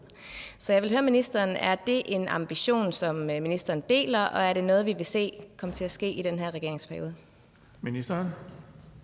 I regeringsgrundlaget fremgår det, at når at vi, vi hvad det hedder, laver nye ønske, statslige arbejdspladser eller væsentlige udvidelse af eksisterende statsinstitutioner, uden, så skal det helst ske uden for de største byer. Øhm, og jeg, kan, jeg ved endnu ikke, hvad det vil være for nogen. Øh, men vi ved jo, at der kommer det her forsvarsforlig, hvor at vi skal have placeret nogle arbejdspladser, og det er i hvert fald nærliggende. Øhm, og det er, nok, øh, det er nok så langt, som, som jeg kan sige på nuværende tidspunkt på det her, i den her fase. Så jeg kan forstå, at det er det der, man vil gå til. Det er de nyoprettede øh, statslige arbejdspladser. Der kommer selvfølgelig også øh, nogle, nogle arbejdspladser ud i landet i forbindelse med, med forsvarsforlidet. Men jeg er øh, meget interesseret i netop den her del, hvor Venstre også øh, traditionelt set har, har været øh, i i øh, udflytning af statslige arbejdspladser i 2015, og det ved jeg, at ministeren også øh, selv har været glad for tidligere. Så vi vil høre, er det stadig øh, en ambition for ministeren, at der er flere flere statslige arbejdspladser, der bliver udflyttet fra de største byer. Jeg synes altid, det er positivt, når det lykkes os at udflytte øh, statslige arbejdspladser. Øh, det har ordføreren jo fuldstændig ret i, og det er jo også sket fokuspunkt, vi har, øh, at, øh, at hvor, hvor er arbejdspladserne henne i Danmark. Øh, fordi vi ønsker et stærkt sammenhængskraft mellem land og by, og det er muligt at arbejde også i, øh, i landdistrikterne. Så, så her og nu, så det vi har planlagt, det er, at, øh, at i de fremtidige arbejdspladser vil vi i høj grad placere uden for de største byer. Spørgeren til afslutning. Hvordan har ministeren det egentlig med at se den her rapport fra Balance Danmark, der viser, at der sådan set ikke rigtig er sket noget særligt godt altså på det her område? Vi har, vi har haft øh, flere runder, hvor vi har haft nogle ambitioner om, at der skal være flere statslige arbejdspladser, men de nyoprettede, de er egentlig bare blevet oprettet i byerne. Hvordan har ministeren det med, at, at det faktisk ikke er blevet bedre? Ministeren. Jamen, det synes jeg også, man kan se i regeringsgrundlaget, man har taget seriøst, når man skriver, at når der kommer nye statslige arbejdspladser, så vil man forsøge at placere dem uden for de største byer. Så jeg synes, det også afspejler, at man ønsker at rykke ved den her balance, som, som der har været. Øh, og som ordføreren også selv siger, så har man jo også forsøgt det flere gange tidligere. Så, så jeg mener egentlig, at, at det er en udfordring, som vi anerkender fuldt ud, og det er sådan set også det, der ligger til grund for, at det står sådan i regeringsgrundlaget. Tak for det, og det spørgsmål er afsluttet. Og så går vi til det næste spørgsmål, og det er også til ministeren for landdistrikter, og det er også af fru Susie Jessen. Og værsgo til oplæsning. Hvordan mener ministeren, at det gavner unges uddannelsesmuligheder og velfærden i landdistrikterne, at regeringen vil justere aftalen om udflytning af uddannelser, så den ikke omfatter uddannelserne til sygeplejerske, pædagog, lærer og socialrådgiver? Og kan ministeren garantere, at man med ro i maven kan gå videre med planerne om en pædagoguddannelse i Rebil og læreruddannelserne i Svendborg med udsigt til støtte fra regeringen? Ministeren. Tak for dette spørgsmål også. Som minister for landdistrikter er jeg optaget af at skabe et sammenhængende Danmark med relevante, med levende erhvervsliv, adgang til velfærdstilbud og uddannelsesmuligheder i hele landet. Og det betyder, at danskerne skal have mulighed for at tilgå de gode og solide velfærdstilbud, arbejdspladser og uddannelsesmuligheder i landdistrikterne, såvel som i hovedstaden. Jeg har ikke mulighed for at kommentere konkret på planerne for pædagoguddannelsen i Rebil eller læreruddannelsen i Svendborg. Det hører under uddannelses- og forskningsministerens ressort. Men jeg er opmærksom på, hvor vigtigt det er, at der er uddannelsesmuligheder i landdistrikterne.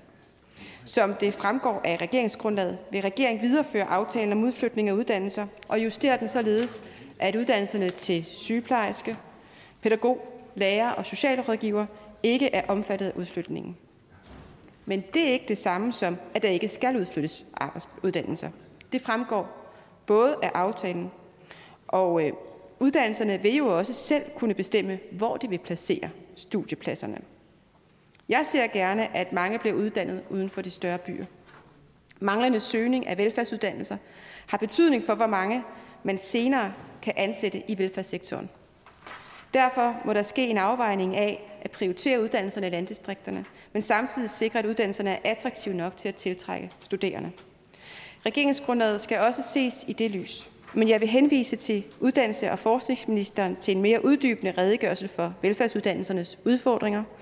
For mig er det væsentligt, at størstedelen af aftalen om udflytning af uddannelser fortsat står ved magt. Blandt andet de økonomiske incitamenter til at etablere uddannelsesudbud uden for de større byer, største byer. Det kommer til at have stor betydning for lokalsamfundet i landdistrikterne. Spørgeren. Tak for svaret. Øhm, I forhold til, til de her uddannelser i Svendborg og Rebil, en af ministerens nye øh, kollegaer fra Socialdemokratiet, Bjørn Brandenborg, øh, siger til Fyns Amtsavis, at selvfølgelig skal læreruddannelsen til Svendborg. Og han siger også, at jeg forstår godt frustrationen over linjerne i regeringsgrundlaget. Jeg deler den, og det er ikke en idé, der er født i Socialdemokratiet.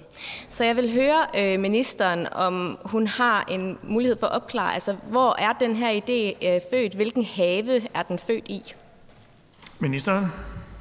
Nej, nu, regeringsforhandlinger er jo fortrolige, og derudover så kan jeg heller ikke udtale mig på konkrete uddannelsers øh, vegne, for jeg er ikke uddannelse- og forskningsminister, og dette hører under uddannelse- og forskningsministerens ressort. Ja. Jeg vil gerne lige følge op på, at øh, det her med at flytte uddannelser ud. Øh, ministeren har selv tidligere til TV2 Øst også øh, sagt, at, vi har, at det er en rigtig god idé at få flere uddannelser flyttet ud i, øh, i regionen. Øhm, det er med til at sikre arbejdskraft og alle de her forskellige ting. Er ministeren ikke bekymret for, at man stopper med de her velfærdsuddannelser ud i landdistrikterne, og det simpelthen vil gå ud over sammenhængskraften i landdistrikterne? Ministeren.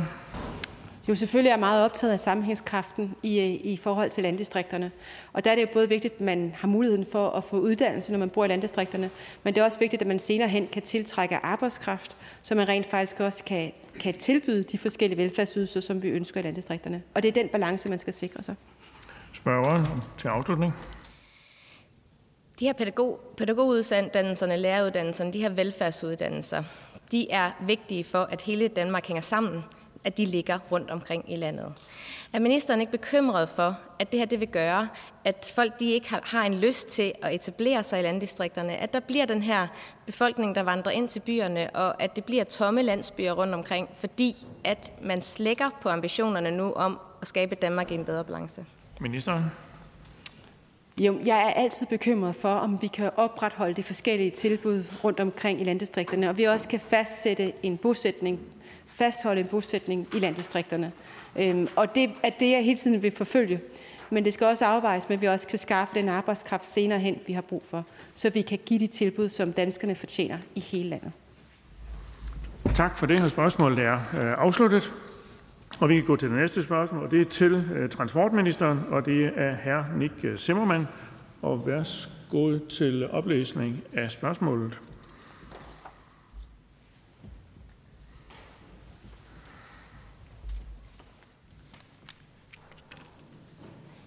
Tak for det. Er ministeren indstillet på, at der i indeværende valgperiode afsættes penge til en fuldt finansieret, statslig finansieret forbindelse over Randers Fjord, der kan fjerne tung trafik fra Randers by og aflaste Randers Bro? Tak for det, og tak for spørgsmålet. Indledningsvis så vil jeg sige, at øh, mit svar omhandler den såkaldte klimabro, som er den forbindelse, som Randers, øh, over Randers Fjord, som Randers Byråd har besluttet at arbejde videre med, og som jeg i øvrigt selv øh, besøgte både borgmester og første viceborgmester øh, med drøftelse om her den anden dag. Som bekendt er der den 2. juni 2021 indgået en bred politisk aftale om infrastrukturplan 2035.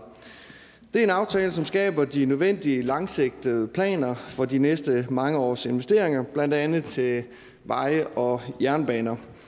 Dansk Folkeparti er også en del af forligskredsen øh, bag infrastrukturplanen og har blandt andet været med til at beslutte de vejprojekter, der er en del af infrastrukturplanen. Der er ikke som led i infrastrukturplanen afsat midler til finansiering af en forbindelse over Randers Fjord, og min forståelse er, at en ny forbindelse over Randers Fjord har til formål at fjerne tung øh, trafik og trængsel fra Randers by og aflaste den kommunale Randers Bro. Øh, og det er kommunerne, der har ansvaret for håndtering og udbygning af den kommunale vejkapacitet, og derfor er finansiering af sådanne udbygninger som udgangspunkt også en kommunal opgave. Spørgeren. Ja. Mener ministeren også, at det er en kommunal opgave, når man kigger på Storbæltsbroen, hvor der cirka kører 38.000 biler i døgnet, hvorimod på Randers Bro, der kører der 40.000 biler i døgnet? Det vil altså sige, at Randers Bro kører der flere biler i døgnet, end der gør på Storbæltsbroen. Mener ministeren så stadigvæk, at det er en kommunal opgave? Ministeren. Ja, altså Randers Bro er uafhængig af øh, trafikmængden på Storbæltsbroen. Spørgeren. Jamen, så kan jeg ikke lade være med at være lidt nysgerrig på, øh, at ministerens partifælde jo turnerede rundt i valgkampen og sagde, at en stemme på Venstre var en stemme på en fuldt finansieret øh, forbindelse over Randers Fjord. Det bliver jeg nødt til lige at forstå sammenhængen af så. Ministeren. Altså, jeg formoder, at ordføreren henviser til Venstres Michael Ostrup Jensen, øh, som er lokalt øh, valgt og kandidat i samme øh, kreds som ordføreren. Øh, og øh, det er jo klart, at man som lokale kandidater øh, har nogle øh, ting, man går til valg på, ligesom ordføreren selv. Øh, og man kan jo håndtere det på forskellige vis. Øh, men øh, den omtalte øh, medkandidat, øh, Michael Åstrup Jensen, har jo naturligvis også haft øh, fat i mig for at lobbyere for den her øh, forbindelse. Det er bare sådan, at når man forhandler de her ting, så er det noget, man forhandler i ministeriet og ikke her i Folketingssalen. Så som minister forholder jeg mig naturligvis til den infrastrukturplan for 2035, som ordførens parti og mit eget parti er en del af, indtil øh, andet er besluttet.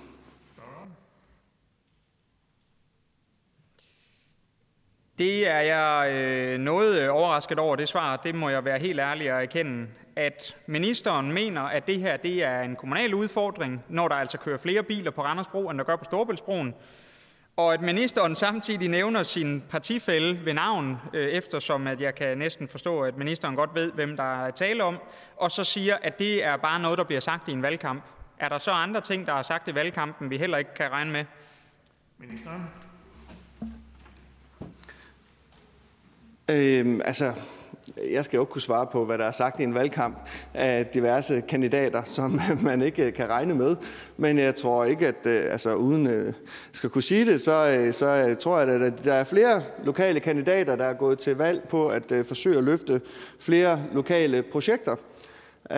Og, og jeg ved, at den omtalte ordfører har et hjerte, der brænder meget for den her forbindelse, altså en ny bro i, i Randers. Øh, og det, det arbejder han også på internt. Øh, men som minister bliver jeg naturligvis nødt til at forholde mig til den infrastrukturplan, der er en aftale om, indtil andet er vedtaget i forligskredsen. Tak for det. Spørgsmålet er afsluttet, og vi kan gå til det næste spørgsmål, og det er også til øh, transportministeren, og det er også af hr. Nick Zimmermann. Og værsgo til oplæsning af spørgsmålet. Ja, tak for det.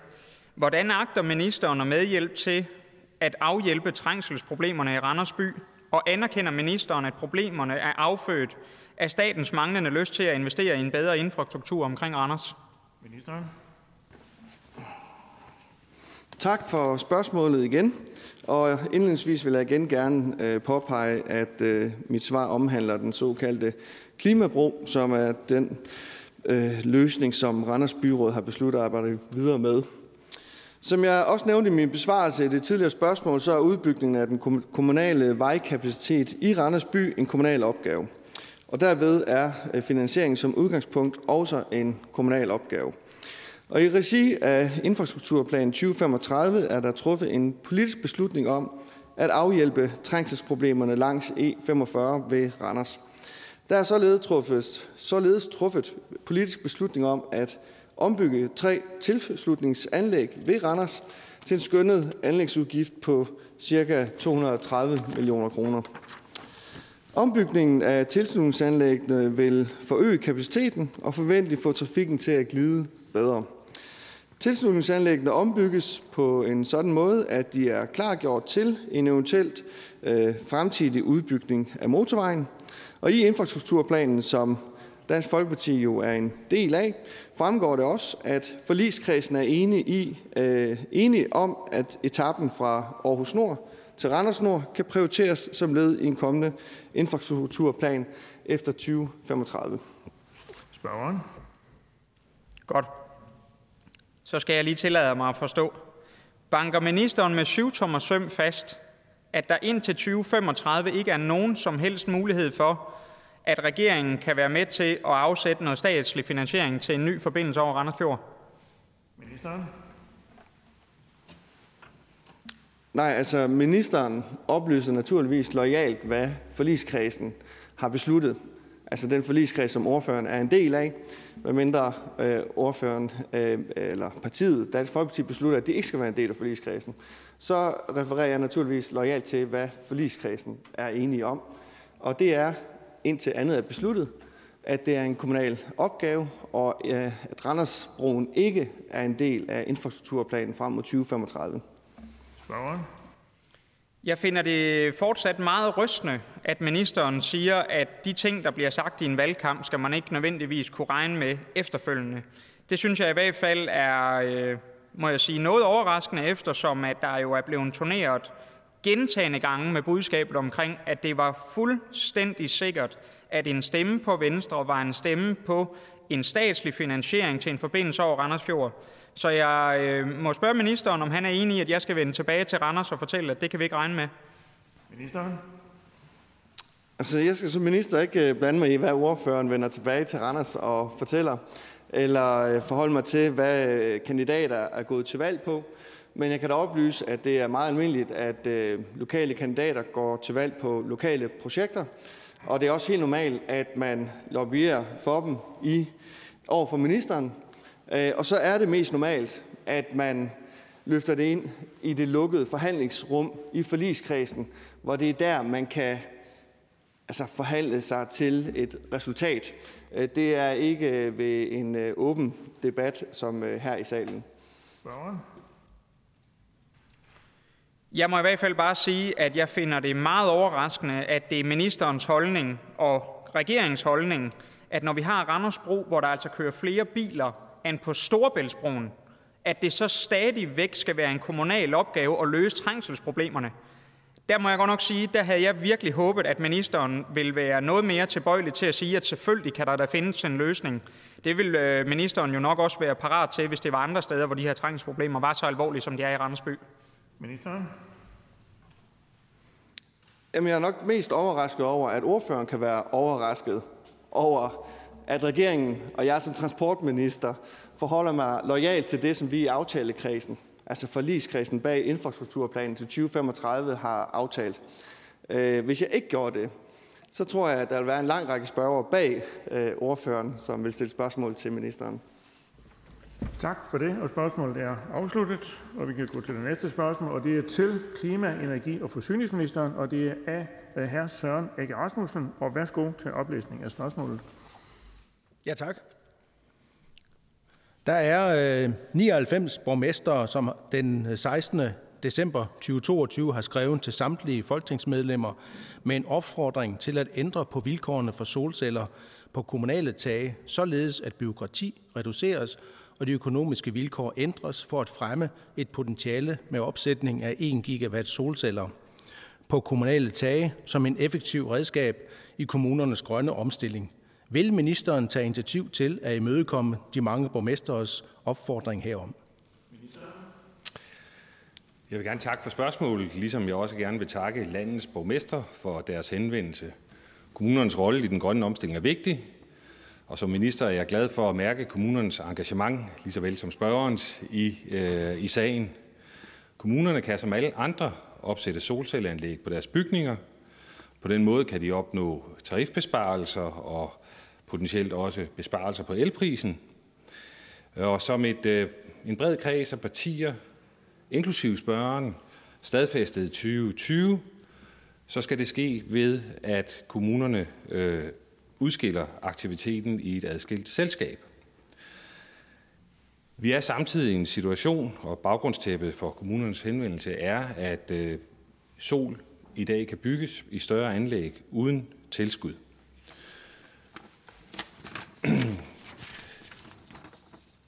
Derfor er en øh, afgiftsdrevet udbygning ikke hensigtsmæssig, og jeg kan oplyse, at det skønnes, at ophævelsen af kravet om selskabsudskillelse og dermed adgang til at undgå elafgiftsbetaling for kommunernes eget forbrug vil koste samfundet og dermed skatteborgerne i omegnen af 300 millioner kroner årligt. Jeg forstår, at kommunerne finder reglerne om selskabsudskillelse byråkratiske.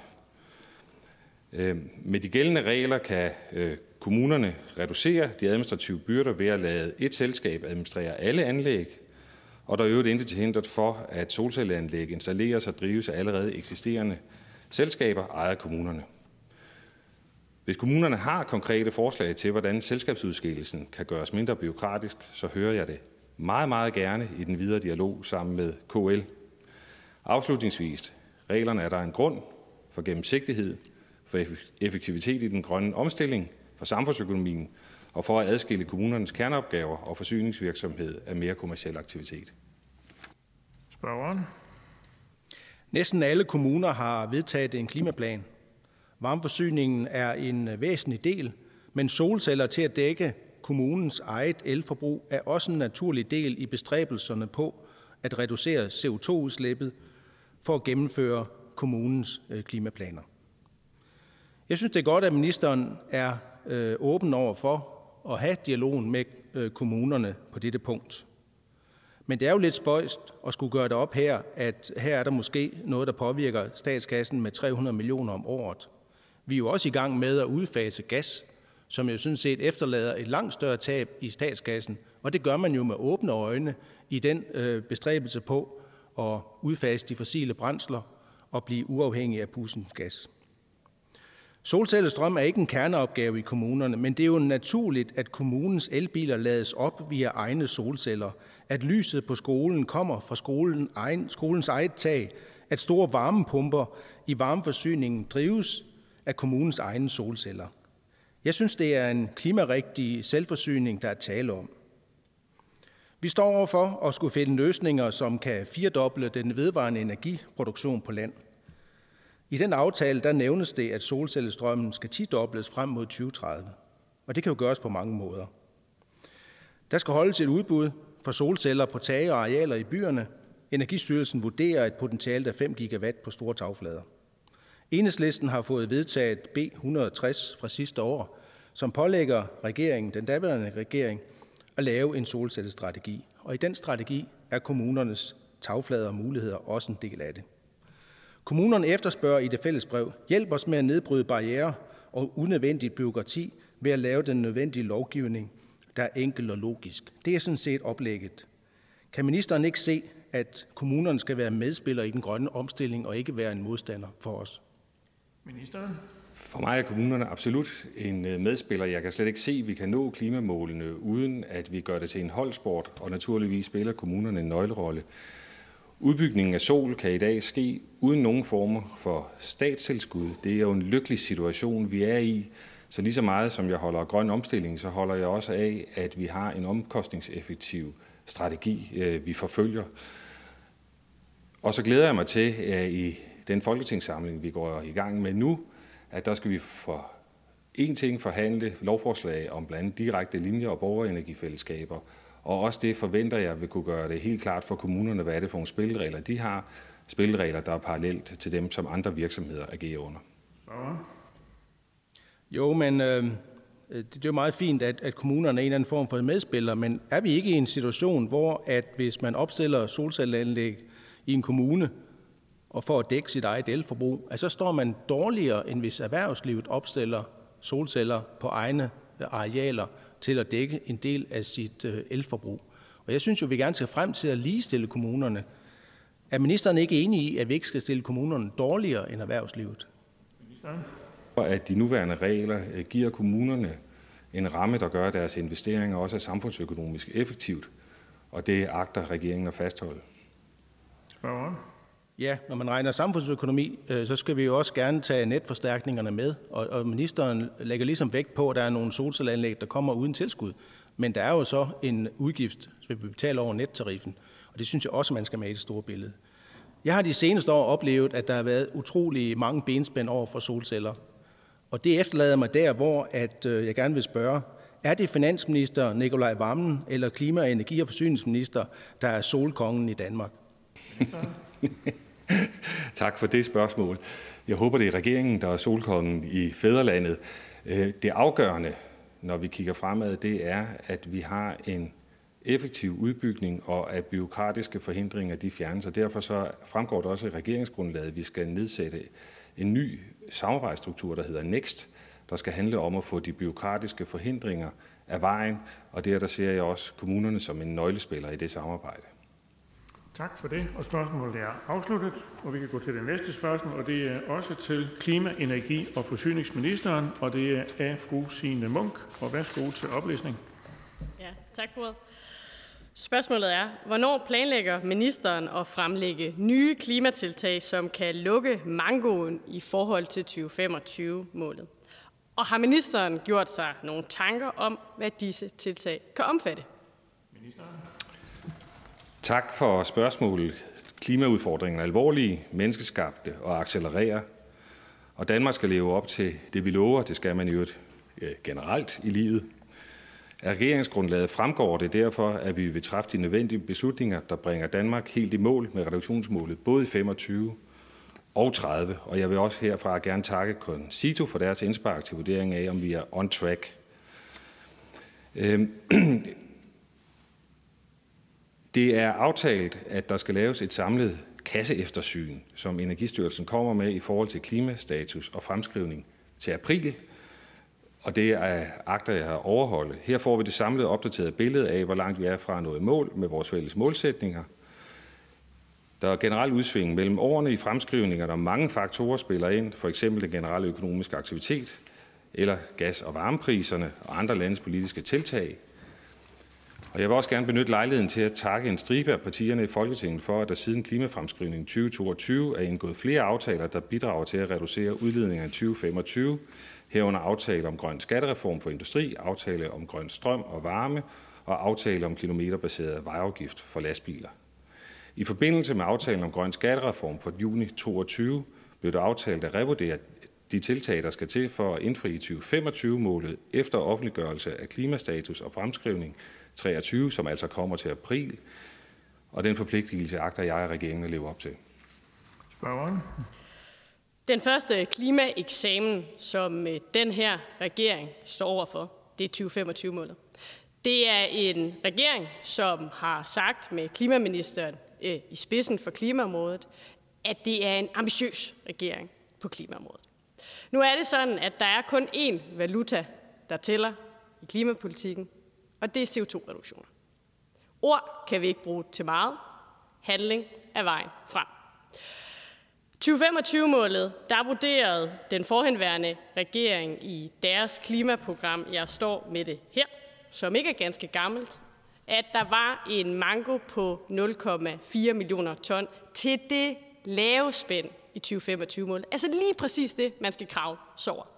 Som ministeren refererer til, så kom øh, der en rapport fra Concito, den grønne tænketank, for nylig, som tegner et mere dystert billede. Det vil kræve 1,1 million ton i reduktioner og nå det lave spænd. Klimarådet har også sat spørgsmålstegn ved, om de vurderinger, der er for vejen til 2025-målet, nu også holder. Kommer der til at være reduktioner fra den affaldsaftale, der skal bringe forbrændingskapaciteten ned? Og derfor så mener jeg, at det er helt på sin plads allerede nu at spørge ind til, hvad det er for nogle overvejelser, klimaministeren har gjort sig for, at vi kan komme i mål med 2025-målet. Værktøjskassen er ikke så stor, som den er, når vi kigger på 2030-målet. Så hvad agter ministeren at gøre for at klare den her første klimaeksamen, som er 2025-målet? Ministeren. Min og regeringens tilgang er, at vi skal vi har sat et mål. Vi har sagt, at vi vil leve op til 2025-målet. Selvfølgelig, det skal vi gøre. Det står i regeringsgrundlaget. Så skal vi have klimafremskrivningen. Den fortæller os, hvor stor mangoen er. Og som jeg sagde i min indledende tale, så er der noget, der kan trække den ene vej, og noget, der trækker den anden vej. Vi skal have det fulde billede. Og når vi kender udfordringens størrelse, så skal vi snakke virkemidler. Generelt er jeg ikke stor tilhænger af at snakke om målsætninger, før vi kender virkemidler. Så de to ting de skal køre i en samlet proces, og som nævnt, det kommer til at ske til april. Concito anerkender også, at der er noget, der trækker den anden vej, og der er nok flere danskere, der har skiftet gasfyret ud, end vi lige forventede. Men pointen er jo netop, at der er enormt usikkerhed om vejen til 2025-målet, og må jeg minde om, at vi nu er i 2023. Der er, for at sige det på godt dansk, meget, meget kort tid til at komme i mål. Og når ministeren er optaget af, at komme i mål, bliver jeg bare nødt til at høre, er der slet ingen overvejelse over, hvad det er for nogle klimapolitiske virkemidler, der skal i spil? Er det færre udledninger fra bilerne, eller er det flere lavbundsjord, der bliver taget ud af landbruget? Ministeren. Det er min grundlæggende tilgang, at når vi kender udfordringens størrelse, så diskuterer vi de nødvendige virkemidler. Målsætningen står fast. Den er skrevet ind i regeringsgrundlaget. Jeg må indrømme, at øh, den tilbageholdenhed, der bliver udvist her fra klimaministeren, bekymrer mig. For virkeligheden er den, at vi kan tage et givet værktøj, om det er øh, ladestander eller om det er lavbundsjord, og så kan vi skrue op og ned. Men allerede nu og vil få en diskussion om, hvad det er for nogle klimapolitiske virkemidler, der skal bruges til at komme i mål. Det burde være på sin plads, i stedet for at skyde opgaven foran sig. Jeg bliver nødt til at minde ministeren om, at der er kort tid. Ministeren. Jeg takker spørgeren, og også for spørgerens engagement. Og så vil jeg tillade mig at gentage mig selv.